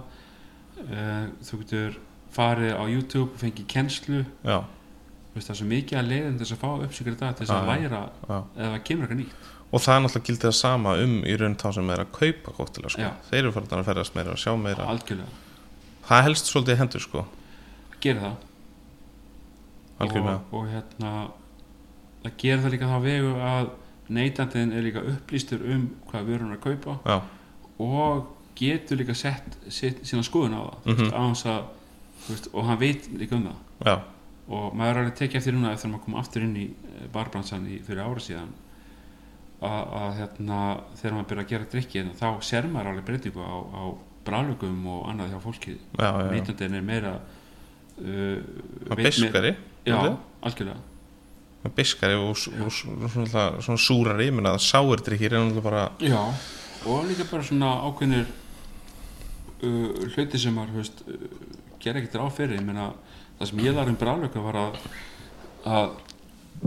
þeir þróast ekkert, er ekkert full mótaði fyrir svona 24 ára gamall ég mitt og hérna oft er maður að þróa brálökuna alveg fram til 27 ára aldur og sumir eru bara að byrja að drekka viski bara 22 ára og, já, og fíla það sko mm veist, uh, bara svo hérna til sem dæmi að, að þú veist, Negroni hérna sæða mér er bara þú veist, meðanaldurinn á Negroni í sölunni þetta er örugglega bara 23 upp í 29 sko. já, já, og mér finnst það með ólíkitum Já. fólk, ungt fólk er byrjað að móta sig í svona mun, minni sæti drikkjum eftir maður ég held að við getum, ég er með smá kenningu að við getum kannski mögulega þakka svolítið bara bjórbransanum fyrir þetta já, að hluta til já, uh, af því að þú veist, það er náttúrulega líka við beinleið við að ef þú ert farin að drekka bara þú veist, doppul IPA að það ertu miklu meðtakilari fyrir Negroni til dæmis algjörlega þannig að já, og aðferðin sem íslendingar uh, bjórbrukar hafa gert hérna í gegnum tíðina er náttúrulega bara ógeðslega mikið að bröðum og þú veist, IPA bjórni í öllu þeirri þú veist, allir þeirri dýri sem þeir eru og, og mismundi levelum og annað í sætu, beskju og, og hérna og, og bitter bara þeir bara, þú veist, það er bara uh, ótrykka fólki meðtekla til þessum bröðum, já, þú veist ekki það stýrturinu bara hvaða leiði vilja fara já, þannig að hérna, þeir eru mikið rós fyrir það, alveg klálega sko. algjörlega herru uh, hvenar uh, er það sem þú ferð að ranga 2010 já, þá tek ég hérna uh, endur á 1919 uh, hvað er september 2009 já, september, oktober var ennþá að vinna B5 með því og þá opnum við test 1919 já sem var summi endur á Orange já, já, já, og þá opnum við þá 1919 og ég sem sagt tek það verkefni að mér að, að opna það aftur og er þar til mars 2010 þá ekkert meginn var ég eiginlega bara svona ég skal opna það, ég vinn með ykkur en ég er ekki fara að vera lengi sko, þú veist bara svolítið svona óli óli á þetta bara Já. taka bara opna það og fara sko já, já, já. og það var það var skemmtilegt en ég vissi svona að ég þú veist, þyrta svona þú er ekki langlífur hann Nei, mm og hérna kynist konu minni á þessum tíma líka já, ok, og þá hérna byrst mér að fara að ranga já, og taka við sérst veitingastjórnstöðu þar sem var bara, já, frábær upplifun að það ekki Jú. það var bara ótrúlega umfangsmikið verkefni já, uh, hótel bara með þá bara með hvað, uh, 51 herbyggi mm -hmm. en gríðarlega vinsalt mhm. og sama tíma ég fer þá náttúrulega erum við bara að upplifa gósið ef þetta öllu alveg rétt, já og þá maður gaturinn ekkert móta starfið sitt sko að neinu leiti því að gósið yfirtúk bara allt það voru frettamenn, það voru já, já, útlendingar, íslendingar uh, ranga var bara f- sko þyrluflugulli já, með bara skristofu bara á staðnum, það var bara, bara pantaði bara þyrluflugu á staðnum farið eftir tvo tíma upp á fjall og komið svo tilbaka skilur Magnað. og við vorum með alveg feikilega mikið af fólki bara þú veist, frá hátegist í kvölds bara út í þetta alltaf var bara eins og bara flugullu sko Mhm. og maður kom þetta bara inn og maður var ekkert að gera neitt að viti fyrir en bara góðsög búið, já, ok, þannig miðan mæ já, þannig að mars, april, mæ var bara einu bara já, bara á vöktum já bara að reyna að halda sjó þú veist, það er svo mikið að gera og hérna þá bjóði líki Reykjavík en þá þannig ég var alltaf að kera á milli já, gisti á hérna, og við gætum ekkert gist uh, neitt fast þegar við vorum í sumarhúsi og svo lendum við á, þegar að fara á hótel á skóum þegar það var lokað þá erum við að gista þar, kera frá skóum til hótel Ranga og Já, vatnina já. sko. og, og eða í bæinn þú veist, og svo kera aftur og, og taka næstu lótu þannig að það voru venjulega svona tíu tveir, tíu, eitt kannski hvað er þetta að segja Já, á vöktum sko það, það var svo brjálega að gera en svo þegar gósi á búið þá lóksist náðu svona aðeins að þú veist, undirbóku fyrir sömarið Já. og sömur alltaf var frábært líka alltaf mikið að gera og, og mikið af svona high-end clientel þannig að maður þurfti alltaf að vera það gæti verið True North þegar að koma með kvikmynd það gæti verið uh, erfingi uh, frá þessu landi og það er fullt að staffi með þeim og það gæti verið þessi guður frá þú veist, mikið að fræja fólki og, mm -hmm. og hérna og það var bara þú veist að stýra þjónatild, morgumat uh, öllum hérna visti þjónustum, já, svona konferens og annað uh, byrðahald þú veist, mínibarinn á herbyggjunum Já. bara, you name it og við vorum með þessast hraunir já, þá vorum við líka með vinn þar upp frá, bjóra krana og svona bara hraunum og hóti skóa og svo líka búð á skóum svo vorum við með þarna tímbiti já, ok þetta voru alveg fjögur outlet, outlet sem voru með þarna úti í byrjun sko. Já. þetta var alveg þetta er mjög umfangsmikið já, og hérna svo mistum við búðina eftir það ár það var fínt Já. það var bara fínt að losna það og svo endarum vorum við með skóana hérna held ég tvö ár og þá hættum við með það líka og þá var þetta bara hrunur og, og rangur það var bara fínt Já. og, og nóg að gera í því já, þannig að hérna en svo náttúrulega tókum við þátt í að maður útarleika nýja stefnu ranga það var ótrúlega mikilvægt að hérna þegar ég kom þá var stefnan sérst að vera með matsela mánalega og það var að hver heimsala fyrir sig mm -hmm. og það var gríðilega kostansamt að að hérna hverju mánuði skipta um mat til algjörlega Mm eða sem svona tasting menu eða bara fjóra-fimm minúta seil sem var alltaf svona fastur mánalega frá öðru hérna, eh, öðru annari heimsálu Mm. og reyna að hérna, þú veist, selja það alltaf sem svona upplifun Mhm. og, þú veist, og útlendingina voru að koma og vildi bara fá íslenskt já, já, og við sáum að það var ekki alveg þú veist, að þetta virka við íslendingana já, já en útlendingana voru ekki fyrir það Nei. þannig að við svona ákvaðum að klára árið með hana heimsálu matseðil Þú veist, eitt dæmi var að ég fór þetta fór bara reykjagólu að ná í styrju hrogn já, ok, og styrja þess að ég útrýmingahættu í Kanada já, og ég hef aldrei skrifað til sko, þú veist, ég skrifað undir að kaupa ímislegt sko já en ég hef aldrei þetta kvita fyrir jafn mikið af pappirum og fyrir styrjuhörnum á Reykjavík það var bara það var bara 20 blöð bara stimplar og skrifundir og, já, og ég fekk styrjuhörn þetta var bara svona svona þú veist, bara, kassi bara Og út af því þetta er í útrymmingahættu þá, Já, já. þá hérna uh, þarf að sanna það að þetta sé eitthvað svona ákveð, sé notið ákveði gildi og sé ákveði kynning á þessu og, já, já, eitthvað svoleiðis og maður var bara alveg, já ok, ég veit ekkert hvað, þú veist, ég er bara að sækja þetta fyrir eldhúsiðna og ég bara, já. Þannig að uh, það var, þú veist, og flókið að vera með svona flókna matsela hverja mánuði já, já, og kostnarsamt. Já. Þannig að við ákomum að fara þá í bara lokal, já, þannig að frá og með bara eftir jólhlaðborðið á, á hérna, á Rangá, sem er eitt mesta keppnis jólhlaðborð sem getur farið í. já, á landinu þá bara fóru í lokal, þá bara fóru að sorsa allt græmiti frá flúðum og, og nær umhverfi í hérna, Þeikabæ og kjöti í hérna, SS bara á Kolsvelli og uh, klösturbleikjuna og, og veist, allt svona bara laxinn frá Rangá bara uh, á sumrin, bara frá uh, júni til bara oktober-nóver já, fóru að fá feskanlags já, ok heitur ánni úr hérna ekki úr ángan heldur úr, úr hérna uh, þjórssoni já, ok, þar sem við verðum að veiði fórstána núna til dæmis Já. og hérna og svo alltaf hérna náðu að breyta bara sem, já, sem stefnu og það gaf virkilega mikið það var miklu meira metið þú veist að, að koma þá bæði íslningar og, og Já, já, útlendingar myndu sko. já. þannig að en vinnistinn og viskilistinn var góð líka já, hundra vín og tæfla hundra viski á lista og svona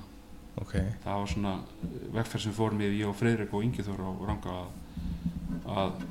taka fram úr Hotel Holt listanum á viskjum þeirra og bjóða upp á bara, já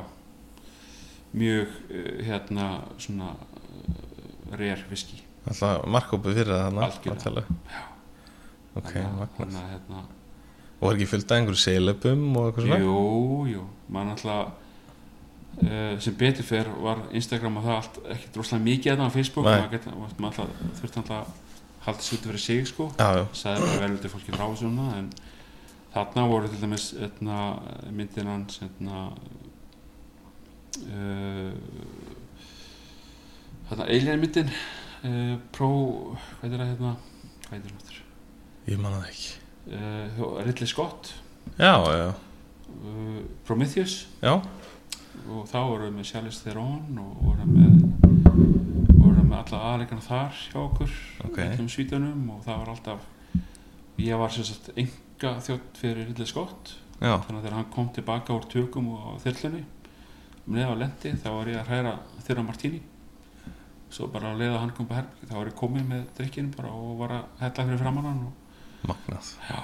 og það þurfti alltaf að vera bara tilbúið þegar hann kemi já já, voru alls konar, hvað er svona steiktustu kröfunar Það voru gríðilega kröfur frá þú hérna ætla mátt kannski segja dagmarka en, en, já, sko, en þú, þú getur alveg sagt eitthvað og ekki nefnt nafnið en bara já, kröfunar já, ég hugsa sko að komið prins eins og ni já, og þá þurftum við að kokkinni þeirra að koma og gera matin fyrir hann Hm. til dæmis og, og hérna við máttum ekki opna vínfjöskunar fyrir hann nú þurfti maður að opna víni fyrir hann já, frá hann, hans starfsliði já, og hérna þegar hann kom hérna eh, að borða á matnum og svona það var alltaf sér svæði fyrir hann annarkvort var hann bara sér uppi í morgumat eða inn í herbyggi eða sér svæðin í sal já, og hérna ég hugsa bara þú veist, fyrir farangur hans það eru tvö auka herbyggi bara fyrir farangur það var ein taska bara fyrir hvert dag í rauninni Jesus þannig að það Christ er hjá okkur í tvær vikur eða eitthvað Aha. eða við eistum að það ekki alveg. Það- þetta var alltaf rosa steikt að bara fylgdi, fylgdi rosalega mikið að starfslið bara með hann já, já En var mikið um, þú veist, já, þetta og þetta og þetta og eitthvað svona alls konar kröfur og hvað er henni bara sem fylgdi með uh, við fengum líka þegar voru að gera hérna Þór myndina og fengum við Já. náttúrulega aðleikarna þar Já, og þá hérna þurfti ég að hanna henni með næningafræðiki uh, sérst, ef hann vildi að fá sér kóttil þá þurfti ég að vera búin að gefa upp uppskriftina áður ég gat gert drikkin því að næringarnar uh, uh, sérst, hérna, k- bara kolvetni og allt bara, hérna kaloríur og annað þú Já. veist, þurfti að vera inn að marka ok þannig ég get aldrei gert þú veist, þess að það fannst mér eins og þegar hérna, eh, London Essence kom þú veist, það hefði verið mjög þarftur að hafa þú veist, þá þurfti að leita eftir svona slim tonic sem Einmitt, var já. einn kaloríu frýr eða kaloríu lítill Já, og alls konar þannig luti veist, bara eh, rosalega margt og svo þú veist, vorum við með tökulið sem þurfti líka að fá sitt sínandegli og já, alls konar bara rosalega mikið af þú veist, eins og það þekki bara frá hótelvinnu að já, já, það er mikið af sérkröfum og óskum algjörlega Ég hugsa að skemmtilegsta hópuna var fjölskyldur sem kom árlega frá Hollandi Já, og bara í veiðiferð. ok, Bara veiði rangánum, gistaði okkur, grilltjald úti, veitt lags úti á, komið inn, uh, kokkarnar skáru sashimi bara á staðnum og við vorum að para vín með því, þú veist, fengum að velja bara vínlista og, ok og hérna, gríðilega gaman, bara fjóra, þrjá nættur alltaf, fjóra Mm. dagar. Uh, þú veist, tips á hver einstu deild á hótelinu Já, Þú ok, veist, kokkarnir, þjónadeldin, þrýfa ræstingar og móttakan og allir fengu, þú veist, alltaf bara umslag og tips fyrir hverja deild og það var svona ótrúlega gaman að taka þátt í ykkur svona sem var bara svona fjölskyldakóm Já. og láta hann líða bara eins og þau væri bara heima á sér já, já þannig að hérna svo náttúrulega kannski svona eh, það hæsta af öllu var kannski bara sannski konungur Já, það er alveg, þú fyrir nú ekki mikið að herra en það Nei, það var komið hérna með, vil- með félagum sínum í veðferð og, og var að hérna velja vinnleista fyrir það og, og þeir fóru ykkur 13-14 rétt að matseðil og, og hérna, dýrasti vinlisti vinsett sem ég hef valið til dæmis Já, ég sem trúi því var alveg bara bara örgulega 80% búrgundavín Já, og hérna og, og endaði með Chateau Gum 91 já, sem hérna, já, er svona meðum dýra Chateau Gum uh, vintage sem er til í dag held ég sko magnað já, það var alveg var aðeinslegt Já, og við ætla fengum að súpa restina af því og, já sjálfsög uh. En fluttur þú einhvern tímann hann að já, ég flutti svo í ágúst þarna fyrsta sömari Já, og var ég þrjú ár Já. á hellu sem var bara bara góð reynsla Já. það var bara, þetta er mjög holdt fyrir alla í bransanum að prófa að fór út á land og vinna mhm, uh, kynnast uh, því nær umhverfi og það sem er í gangi þar einmitt uh, gott að taka breyka þannig að það var mjög mikið harka á þessum tíma á, í Reykjavík Já, eftir hrunið og það var bara mjög gott að komast í burtu mhm, bara hérna eitthvað spatna því ári og, og hérna já, bara mæli með því sko já saman hvert þessu hóti rangá eða Það er bara eitthvað deblar eða Já. já. búðir eða þú veist hvað sem er sko bara Það er prófa þetta til svo mikið af alls konar dóti orðið í Algjörlega. dag að, að, og, og bara svo mikið af flottu maður sem sátum svolítið mikið í sumar því að maður var náttúrulega að ferðast innanlands eins og var hættur orðið Mhm. að hérna uh, djúlega mikið af flottu stöffi á landsbyðinni já, bara geggiðu stöffi sko. það er mikið af flottu svona luxus uh, cottages, domes og alls konar komið bara sem að er uh, var henni bara að kynna sviskiti í fyrra Já og, og bara þú veist þú veist, veitingastæðir ég tek alltaf dæmi með grillskólan í Hnífstal hann hefur aldrei verið til, bara svo það sé sagt getur vel verið að hann hafi verið til en ég, þetta er svona ég hefur ekki hefði, ég tekið þetta dæmi stundum grill, grillskólan í Hnífstal nei, Nei, það er svona, það- ég segi alltaf já, þetta er alveg eins og grillskólanum í Hnífstal Málið- ég veit ekkert hvort að hann sé til, alltaf er ég ekki að bendla þetta við eitthvað veitingahús ég veit ekki til þess að, Nei. að það var til en þetta var sem sagt, einhver staður sem ég bjóð til í einhverju verkefni í skólanum einhvern tímann og hef alltaf notað sem grillskólan í Hnífstal en hérna uh, það er orðið ótrúlega uh, f- flott bara svona lítil veitingahús út um allt sko það er rosalega skemmtilegt að, að hérna, mér veist bara frábært hvað staður geta farið bara sinni eigi leiðir Já, það algjörlega og þurfa ekki að vera með uh, fyrirfram ákveðna vöru endilega á hverju stað fyrir sig að það sé aðgengi í eitthvað nýtt Já. og spennandi á markaðunum Já. og það sækir í aðra hópa og, og Íslandikar eru tilbúinir að, að prófa þetta Já, Þú veist, við erum að, að um segi, bara uh, virkir að vera alltaf vön við erum miklu meiri heimsborgar í dag heldur en vor, var í gamla daga já, já, og fólk er óhrættir að prófa já, og ég hugsa að stefna með að, að hérna, opna staði sem eru litlir og taka ég bara farri inn en eru einmitt svona nýs staðir eru Já. bara algjörlega málið sko. með einhverjum svona sérhæfingu sko. Já. Það þurfi ekki allir að vera góður í öllu Nei, ég hugsa að sér bara einmitt þannig að, að taka sér fyrir eitthvað færri hluti sem vera góður í og Já, slappa því sem þú vilt slappa á, sko. algjörlega, ég er algjörlega sammála því og ég held að við svona munum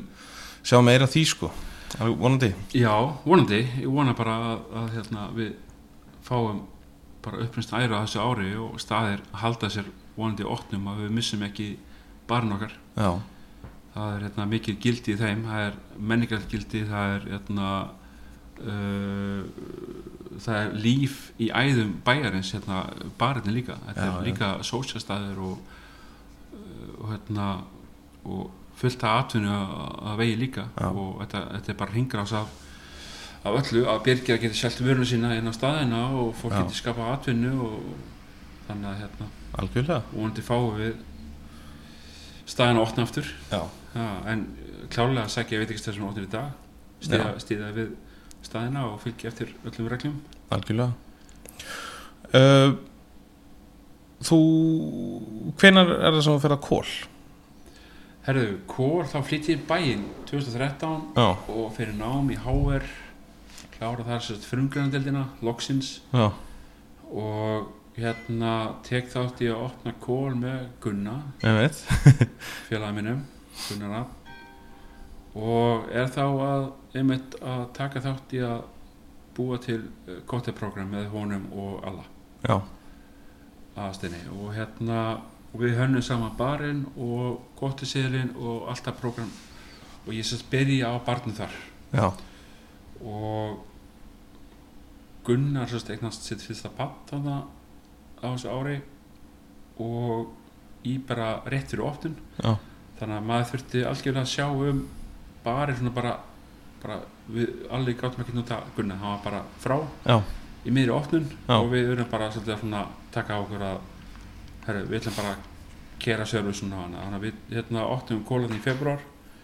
2014 og það bara gekk með eindæmi vel mm bara kóttelni voru mjög uh, uh, innovator við erum að nota svolítið svona mikið af feskum hráðunum -hmm. uh, infúsera mikið uh, gera hérna uh, eins og bara með uh, draftkóttil Mhm. setja kóttil já, á krana. já, og krana, já, Já, og þar er kóttil sem er ennþá við líði dag donkin já, á kól já, hann er bara uh, bara útir hvað hann er vinsæll þetta er bara teika á morskum júl en samt, þú veist, með fesku engiferi og vodka og greip og læm og síðan var svo breytt í síturunu uh, út af kostnaði já, en líka að bara fór hann mjög vel að færa síturunu móti greipinu mm -hmm. og svo var hann bara settur í kút og, og bara, já, voru þetta dæluna? kólsýri bara Já. og dælu og ríkilega gott að vera með sex manna borð og geta kert eitt kóttil bara á tvei myndum bara á borðið og Já, þannig að service voru svo mikilvægt að það væri einmitt tip-top uh, hérna, eins og Gunni er með Já, service já, já. að það, er bara, það er alveg bara pinpoint hvernig það væri og maturinn ótrá spennandi með kólofni niðri og, og hérna, drikkinni bara þú veist, alveg uh, kól var bara gett með spendi staðan sem opnaði á þessu ári já, uh, fannst okkur líka bara að, að, að við vildum gera alltaf svona spestað á Mhm. mm skólaustík og vorum Mhm. alltaf með svolítið svona skemmtilegt location alveg við kirkjuna, mm -hmm. engin staði nálætturinnu sem var á okkur svona elementi nema kannski sjáagrillið og auðvitað var það alltaf bara svona nágrannstæðurinn líka já, já, og uh, ég er alls ekki að veist, ekki að segja að þeir var eitthvað, eitthvað verri eða bara veist, þeir voru með okkur stefnu og já, við tókum bara okkar stefnu á, á aðra leiðir sko og það bara var frábært verkefni, bara ógeðslega gaman það var líka alltaf, sko, finnst mér loða við kól hvað barinn hefur alltaf haldið standard já, alveg saman á því og, og Gunni hefur alltaf fengið inn, uh, finnst mér bara réttu barþjóna líka á réttu tímabili Mhm. Þú veist, þegar ég hætti þá og, og allir hætti og þá komin uh, vikingu Kristjáns frá slipparnum og, og hlínur sem er ölgerinn núna var líka með okkur og svo fengum við inn hérna Martin og svo var, kom allir aftur og svo kom uh, maður ekki alveg hver að var sem kom aftur Mhm. og svo þú veist, hafa hann Martin og Kristján Bjarni búin að vera bara núna þrjú eða fjör já, ár sko, já, þú veist bara steady mm og með ógeðslega flott uh, þú veist, ef ég myndi fara hana bara núna ég var alveg bara í einskismannslandi sko, þú Já. veist, þe þeir eru búin að elevita barinn á allt annað stiga en þegar við opnum hann. já, já þannig að hérna, hana, já, standardin er alveg klálega til stað sko. þetta er svona veitingahúsabar sem hefur virkað virkilega vel já, það er alveg ótt að segja það einn af mörgum já, það eru ótrúlega margir góðir veit ekki staða barir já, til já, og hérna, það er eins og bara þú veist, þegar maður tekur bara það fyrir ofan þú veist, það er, þú veist, ég get alveg sagt að sjá okkur, þú getur farið í góðan kóttu þar það er Já, alltaf já. einhver góða barþjóð að vinna þar mhm mm uh, Súmak náttúrulega Súmak, frábær kóttel veitingstæður mm Mhm. -hmm. uh, Susi Social Já, þú veist, fullt af skemmtilegum uh, tíkidrykkjum og Já. uh, apotek náttúrulega Public House þú veist, bara uh, skemmtileg nýjunga þar og kóttelar og bjórar mm apotekki alltaf frábær stæður uh, und, bara undanfæri fimm ár Já, uh, svo alltaf bara matakjallarinn já, þú veist, þannig að það var opnað með mjög miklu kóttelastefnu já þannig að hérna Svo náttúrulega gera flott að hluti hann Jakob á, á, um, á Bastard Bastard, já, ég hugsa að það er mitt að Jakob hafi bara verið frá byrjun sko, já, og þróa alltaf bara alla þessu kotta sem er í gangi þar það er virkilega það er rosalega cool hvað hann tekur hvað hann er búin að finna sína styrkleika og, algjörlega og einhvern veginn nýta þá bara já, sem er bara geggja sko já. ég hugsa að ef það er eitthvað sem geti tekið kól upp á næsta level já, þá er Jakob, já, það er potið klálega Algjörlega, herðu uh, Þið erum búin, sko, búin að leiki nei, hvað, er- núna er eitt sko. klippir ekki út eða? Nei, nei Hérna, já, förum svo- síðan bara kannski Kól sem sagt verður hérna í, er ég hérna í tvö ár Já. og vinn með því og þá býst mér að, að, að hérna, þá er ég sem sagt búin að eignast annað Já. barn líka sama ár var í skóla, klára frungurnas við og eignast barn og opna kól Já, þannig að það var mikið að gerast Já. og maður hérna þurfti svo aðeins að, að, að klára frungurinn á með það og, og bauðst að fá vinnu á kókarsinni Já. og hérna sem þetta kannast við uh og hérna þar uh, byrjaði mjög skemmtilegu kapli í að, að þeir voru að svolítið að sækja þessi á markað uh-huh. og hérna ég vann sérst með, með kól því að þeir gátt ekki búið mér sem 100% vinnu fyrst Uh-huh. og þurfti svolítið að sanna mig líka og við náðum sérst að, að sækja inn hérna stóli já, vodka Já. og hérna og nokkur uh, merki með því og þá náði ég að skapa smá uh, skemmtlaðan hérna, fókus á barþjóna með, þeim, með þeirri veru náði hérna Moskva Mjúlsumrinu 2016 já Uh-huh, með könnum og, Mhm. og gingibjór sem þeir eru að framlega sko. og þá skapast svolítið svona Moskva Mjúlstemning Mhm. að, að láta staðin að fá könnur Já. að þeir þurfa ekki að borga 20 skatt fyrir hvert glas Mhm. það er bara að þeir kera á Moskó mjúl með stólivorganum og fá könnuna frýjar Mhm. og hérna það gekk bara mjög vel og eftir það þá fóru að taka við fleiri svona merkjum eh, bæði sölu og hafa sem sagt kontakt við byrgjana líka ekki beint sem við verum merkja stjóri heldur bara sem kontakt svona, Mhm. svolítið svona bara sem ambassador því ég hafði mikið náhuga á þessu og, og þetta er góða vörur og hérna og þá fór ég svolítið bara að láta mig sjá á markanum vera heimsíkastæði og talaði bara þjóna og, og veist, íta henni vörum og Mhm. svolítið svona að fara inn að sem að gloppinna mynduðust og, og fá tröst á markaðin og, og það gekk bara mjög vel Mhm. og hérna ég er mjög ánægð með hvernig það kom út þessi ár hjá mig þar Mhm.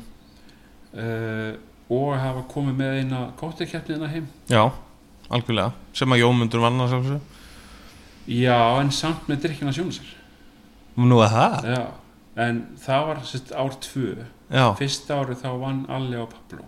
alveg rétt, já og það var kettin sem var inni bara og hann beðin um að taka þátt og, Já. og hún var svoðin saman með, með stöttum fyrirvara og var haldið svolítið svona með litlum fyrirvara þannig að það var inni bara bóðið að,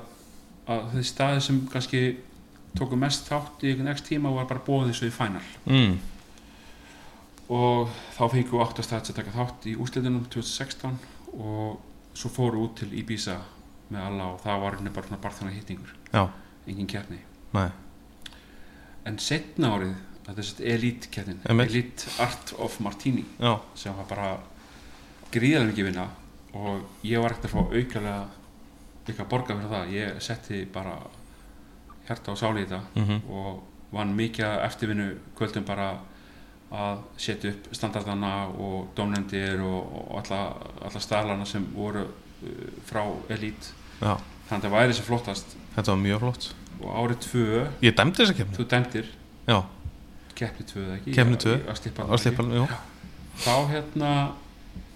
þá náðum við svolítið uh, meiri fyrirvara og meiri, lengri tíma til þess að undirbúa keppnina og til þess að þú veist, fá fleiri með okkur lið Já, já, fleiri sem taka þátt nálgast barþjónuna með þeir leti að,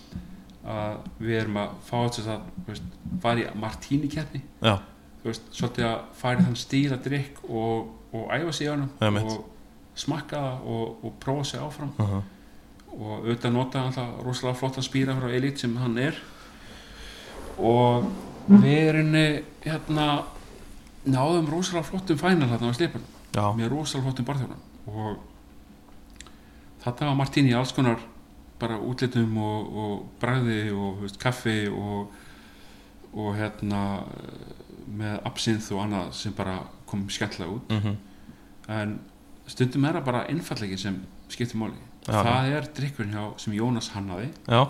sem hann gerði á apotekinu sem Já. heitir Greipest Martini já, já og svo vann Jónas Orklas 2017 já, já, og þá var hann að leið til Mexiko emið já, og þá komst hann ekki til í Bísa ah, þannig að Jómundur kefti hans stað já, á sliparnum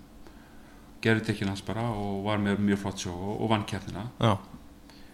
og við sérst að förum til í Bísa og hann keppir þá á meðal 55 barþjóna frá einhverjum 40 löndum Já. og nokkur lönd svo voru með fleiri barþjóna út af þegar stærra lönd og stærra markaðir já, já, og það var bara, já, frábær hérna, upplifun uh að vera á fimmstinni hóteli eins og kannast þið já, uh, á Ibiza þú veist, Hard Rock hótelinu þar uh, og undirbúningur var mjög góð því að Jón Mundi var rosalega innbyttur mhm, og það var frábært að, að taka þátt í að vera aðstofan, að vera á staðnum og, og við fundum hvergi hérna uh, greip til þess að infúsera uh, hérna kokki amerikana já, þannig að við þurftum að fara bara og leita já, Og það þurfti, það þurfti x mikið tíma til að infúsera það þess að fá bræðið af hérna, Já. kokkiðurum og hérna við vorum bara stjókast og vandrum að finna ok, svo kom hérna dónundin og, og hjálpa okkur og, og hérna og Juan Valls sem er einhver hérna uh, Perdido barinn í, í hérna uh, í hérna á Spáni kemur eftir, mann ekki Mhm. hvað Já, það já, já. heitir allavega hann hjálpa okkur og fann hérna loksins uh, greip, þannig að við fengum greip til þess að infosera og settum það bara í kæri yfir nótt og svo var hann bara tilbúin að keppa daginn eftir og Jómundur lendir í sem sagt uh, úrtaki með gríðilega flottum barþjóni frá Róm þannig hérna uh, Gritchissin sem er á uh, kaffi uh, uh,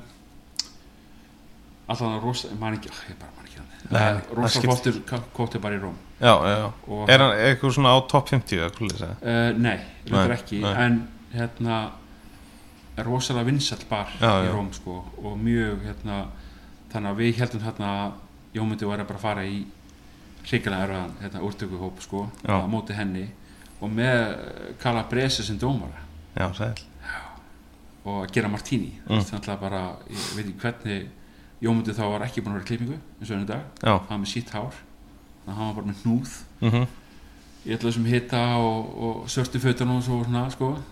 en hann bara var ógeðslega rólegur gerði drikkin á frábæn hátt komst í umferð 2 með því að vinna sest, þessa úrtöku já, ok og hérna ég var mjög stoltar hann því að ég hefði aldrei þórað þessa pressu ég Nei. get alveg ekki það já, að hérna að, að standa hérna í þessu keppni og með fullt af flottum barþjónum og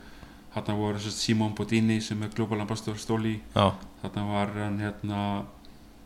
eh, Leo frá hérna eh, Nomad í New York já, að dæma svo var hérna Brent Lambert- Lamberti sem er sem sagt, eh, global eh, svona manager of elite mhm, í heiminum og Calabresi og þetta var alltaf bara bara rockstöðnir í, Já, já. í kóktel heiminum að dæma hann, sko þannig að eh, Jómundur fór áfram og það var bara gríðilega gaman að fylgjast með honum hvað hann var hérna uh, einbyttur hann Að- yfirvegar Ah. við vorum bara með stefnu að fara í topp 5 sko já, og svo bara daginn eftir þá er bara næsta umferð og, og við förum hérna í umferð þegar, nei bara hann kemst í næstu umferð sama dag, fyrir ekki, er hann að mynda alveg rétt þá rauninni kemur uh, Mystery Box Challenge Já. og hann fær shisha lauf já, til þess að vinna með og þú veist, sem er japanskt element og, og bara og hann ekkert menn var búinn að finna út bara um leiðan fekk laufið bara þetta ráði Já. það bróki, ég er með drikk og ég myndi bara setja upp plan gera drikkin, kynnt hann svo og allt það og fekk gríðlega góð viðbröð Mm. Ah. og ég smakkaði hann og þetta var bara gekkja drikku sko. já, já, alveg bara klikkað sko, hvað menn geta gert á með stuttum fyrir ára já, og svo bara, já uh, var það bara búið og svo um kvöldi var tilkynnt sem sagt, um top 5 Já. og hérna mér minnir að hann hafi verið- verið top 12 já, ok af þú veist, 54 barþjóðan já, það er mjög Allt í vel allt, gert sko. og hann sérst fór ekki top 5 Nei. en top 5 fóru svo í úrslitinu á löðinu og það var bara rosalega keppni sko, það var bara, veist, við vorum alltaf að fylgjast með Já. hvernig þátt og hérna og það var hérna svo Will Meredith frá Lines sem hann já, ok, og við erum alltaf sko með svolítið mikið með einlendingunum og, og dönunum og Já. svíunum já, þegar við vorum þarna úti og við kynntumst bara vil svolítið ágætlega þegar við vorum úti, ég og Jómundur og, og hérna ég ætla að satt við vil bara, þú veist, ég hef heimsótt hann tvisverðna á Lænes í London og bara þú voru bara að kíkja yfir Já. bara tattu konu með og, og, og kottu og tattu gestavakt eða eitthvað og þannig að það er kannski þegar að það er allt opnar og allt verður normal þá kannski ná honum hann yfir já svakalega hlottur barþjóðn á l- Lioness, já, gamla hérna Dandelion, já, já, einmitt þannig að þeir hættu á tóttum og lokuðu og opnum opnuðu þennan svo aftur undir nýju nafni undir hún, já, þetta er bara hans hann að Mr. Lion Já, Já. nákvæmlega. Ryan Sheldrúðarðara Já, Mhm. einmitt þetta já. Þetta er nátt sem engin getur borðið fram það reyndi Ryan alltaf Já, þetta er lægin, já, þetta er lægin, já Ryan Lion. Ryan the Lion Mhm. já þetta var mjög flott keppni sko. er hún ennþá í gangi í heiminum í dag Nei, hún er ekki í gangi Nei. Það, Þessu var slaufað eftir þetta ár já, Hún vist var mjög kostnaðsum já, Hann ætlaði að vera með Nei, byrju, það er ekki rétt hjá mig Við fengum ekki aðgöngu í næstu gerni já, ok já, Við vorum ekki að, eh, með nógu stóra markað og hún var minguð já, hún var haldin sem sagt bara í, í færri löndum og, og við fengum ekki yngöngu þá og svo var hann haldin í, í Bilbao mm. 2018 og eftir það var hann slefað ok þannig að hérna, hún er ekki verið haldin síðan tvö ár og ég held að sé eitthvað stólikeppni að fara í ganga á þessu ári en ég veit ekkert hvers eðlis hún er eða ég held að sé út þegar með fleiri við erum ekki núna innan já, stóli að þá ætla að taka eitthvað svona blandkerni að svipaði eins og kannski Diageo uh -huh. reserva, þú veist, vorklagskeppni sko. en ég er bara að fylgjast með því já, sjáum til hvað gerist þar nákvæmlega herru, s- þá leikur kannski bara beinast við að fara í það sem þú ert að gera núna já, ég sérst uh, uh, var með Snorra í stuttu projekti 2019 já, tókum hérna saman hann samstarf og í Reykjavík Distillery já, eftir ég hætti já Kálkarsinni og hérna uh, smektur að það mér það er bara, þú veist, allt eh, bara í góðum farfið þar já, En Snorri svona fekk mér til þess að hjálpa sér aðeins með sölu á innlöndumarkaði og það var spennandi kannski að sjá hvort við getum gert eitthvað meira. já, Uh, jafnvel að fara að flytja inn eitthvað og svona og, og hérna en einhvern veginn uh, var það bara þannig að landið lá ekki alveg þannig fyrir okkur á þessum tímúti á þeim og Já. hjá mér já, og þá bauðst mér í rauninni bara eh, svolítið svona, já ég sótti bara um starf hérna fyrst já og svo þegar ég kom inn þá sá ég bara möguleikana uh -huh. og þetta er sérst gamla klöstubarinn og ég kem hérna inn inn og ég segi bara þú veist, eina leiðin er ég eftir að koma inn, eða það ráða mig þá þurfum við að skipta um nafn og koncept Uh-huh. Eh, því að mér fannst nafn bara að vera eitrað já, og þa- það er gríðan mikið saga í þessu húsi og þegar ég kynnti mér hana þá fannst mér bara klustuna ekki eiga við þetta uh uh, því að hérna saga húsins er þannig að hún hefur söguleg gildi í marga hluti sem hafa voru stopnir hérna áður, árum áður og, og hérna mikið af flottu og góðu fólki sem hafa unnið hérna og, og, og alls konar starfsemi þannig að ég, ég fannst bara klaustinarni vera svona, herri við þurfum að breyta fáum uh, nýja kunnahóp Já. uh, og breytum aðeins svona og skiptum aðeins upp þá hérna raun höfðu við opinn til mass á, í fyrra svo kom bara COVID og þá gaf okkur bara til hérna að breyta Já. en kannski aðeins of lengi að hérna, við gáttum ekkert óttum bara fyrir henni í lók júni, byrjun júli já, já, já. uh, út af því að þú veist, það var ekkert allt til sem var að panta og tekur ekkert tíma að panta og, já, já. og, og svo þurftum við að gera svolítið vinna í þessu rýmisjónu hérna og neðra henni hérna hjá okkur og, en uh, nafni var svona og erfitt að finna nafn já, það var hérna við prófum að gera svona nafnarsamkettni á, á, á hérna, Facebook og sjá hvort að fólk kemur með eitthvað svona annað en Bárubar og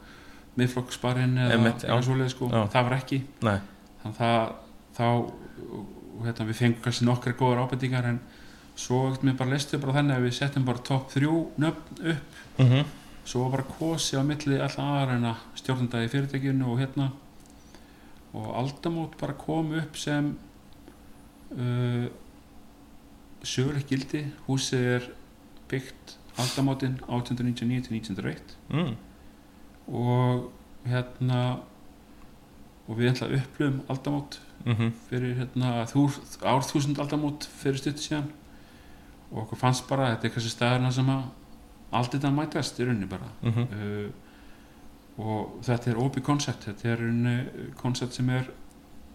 uh, flokka sem vínbar flokka sem uh, aperitívabar Mm -hmm. og hérna stefnan er einmitt að vera ekki með happy hour Já. stefnan er að vera með aperitívu ár Mm -hmm. og svo erum við búin að vera með svona DJ Steve og ávar setnakvöldin þá erum við að fara í svona síðbónum drikki ef fólk vil ekki fara í sæta Mm -hmm. dessert á hana þá kera við svona eftir þetta drikkjum Já, já, eða vínflösku og óstaplatta og annað á mjög góð verið þannig Já. að þetta er svona uh, aperitífa ári sem þegar vakið góða lukku finnst mér því að mér finnst uh, fólkið meðtaka bitterdrikkina svolítið vel mm -hmm.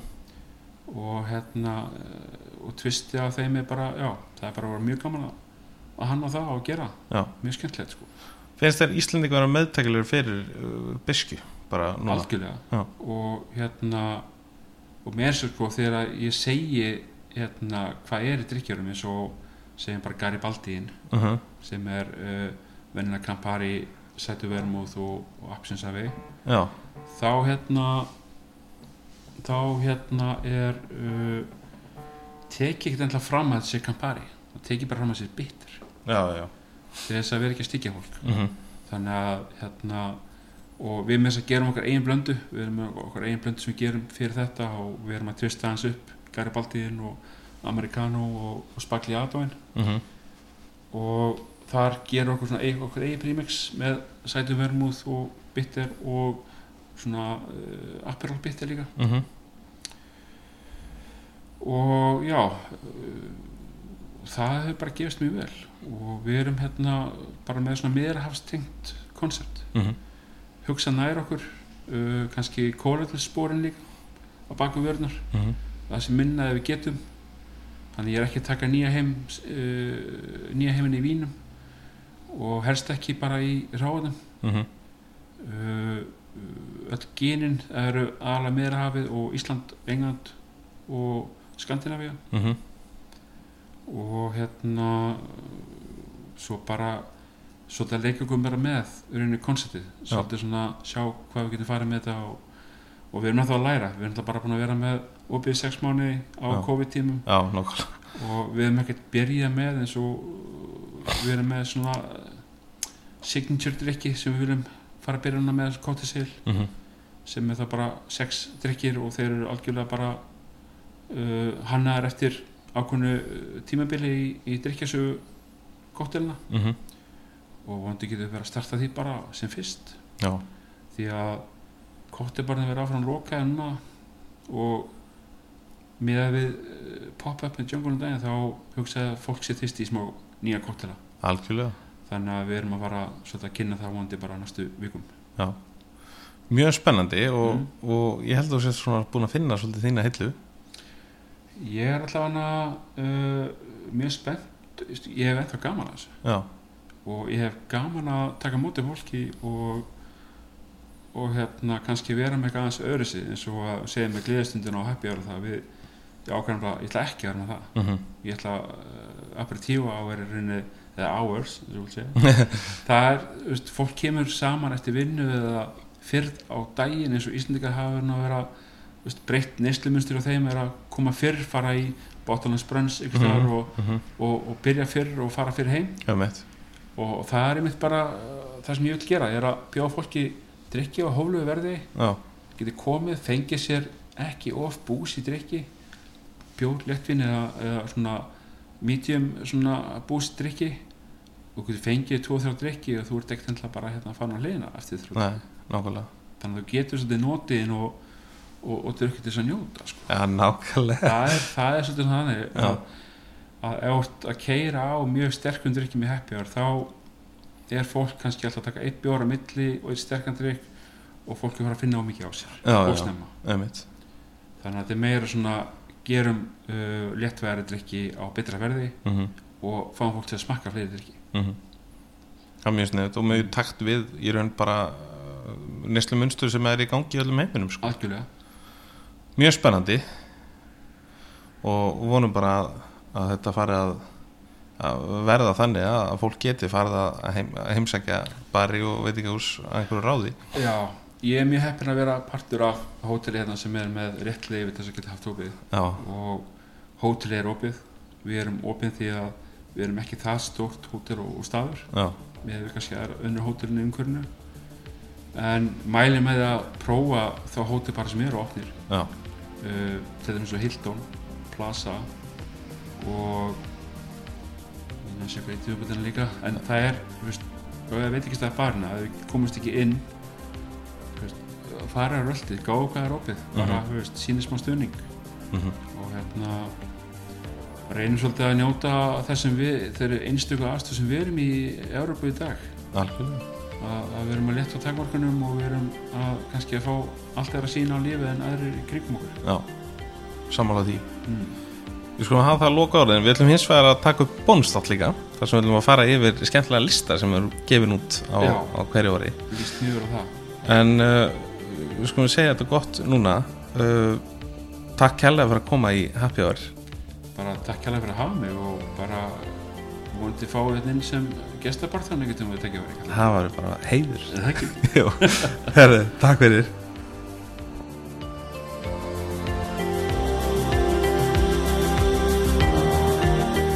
Þar hafið það kæru hlustundir uh, hvetjum alla til að kíkja nýr á Aldamót bar því akkurat um þessar myndið þegar þessi þáttur er tekin upp þá er uh,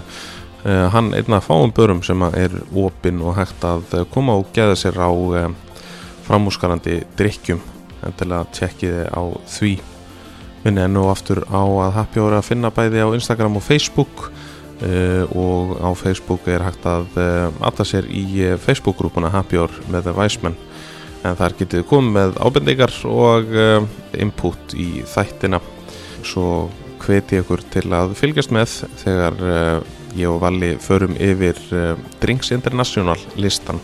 hér í formi bónus þáttar sem byrtist innan skams en uh, þá komum við að lókum að þessu sinni Eh, Þakk kella fyrir að hlusta. Munið orðvæsmenn, drekkið ekki til að gleyma heldur fyrir ekkar til að njóta. Takk fyrir að þessu sinni. Þangandi næst, Wiseman out.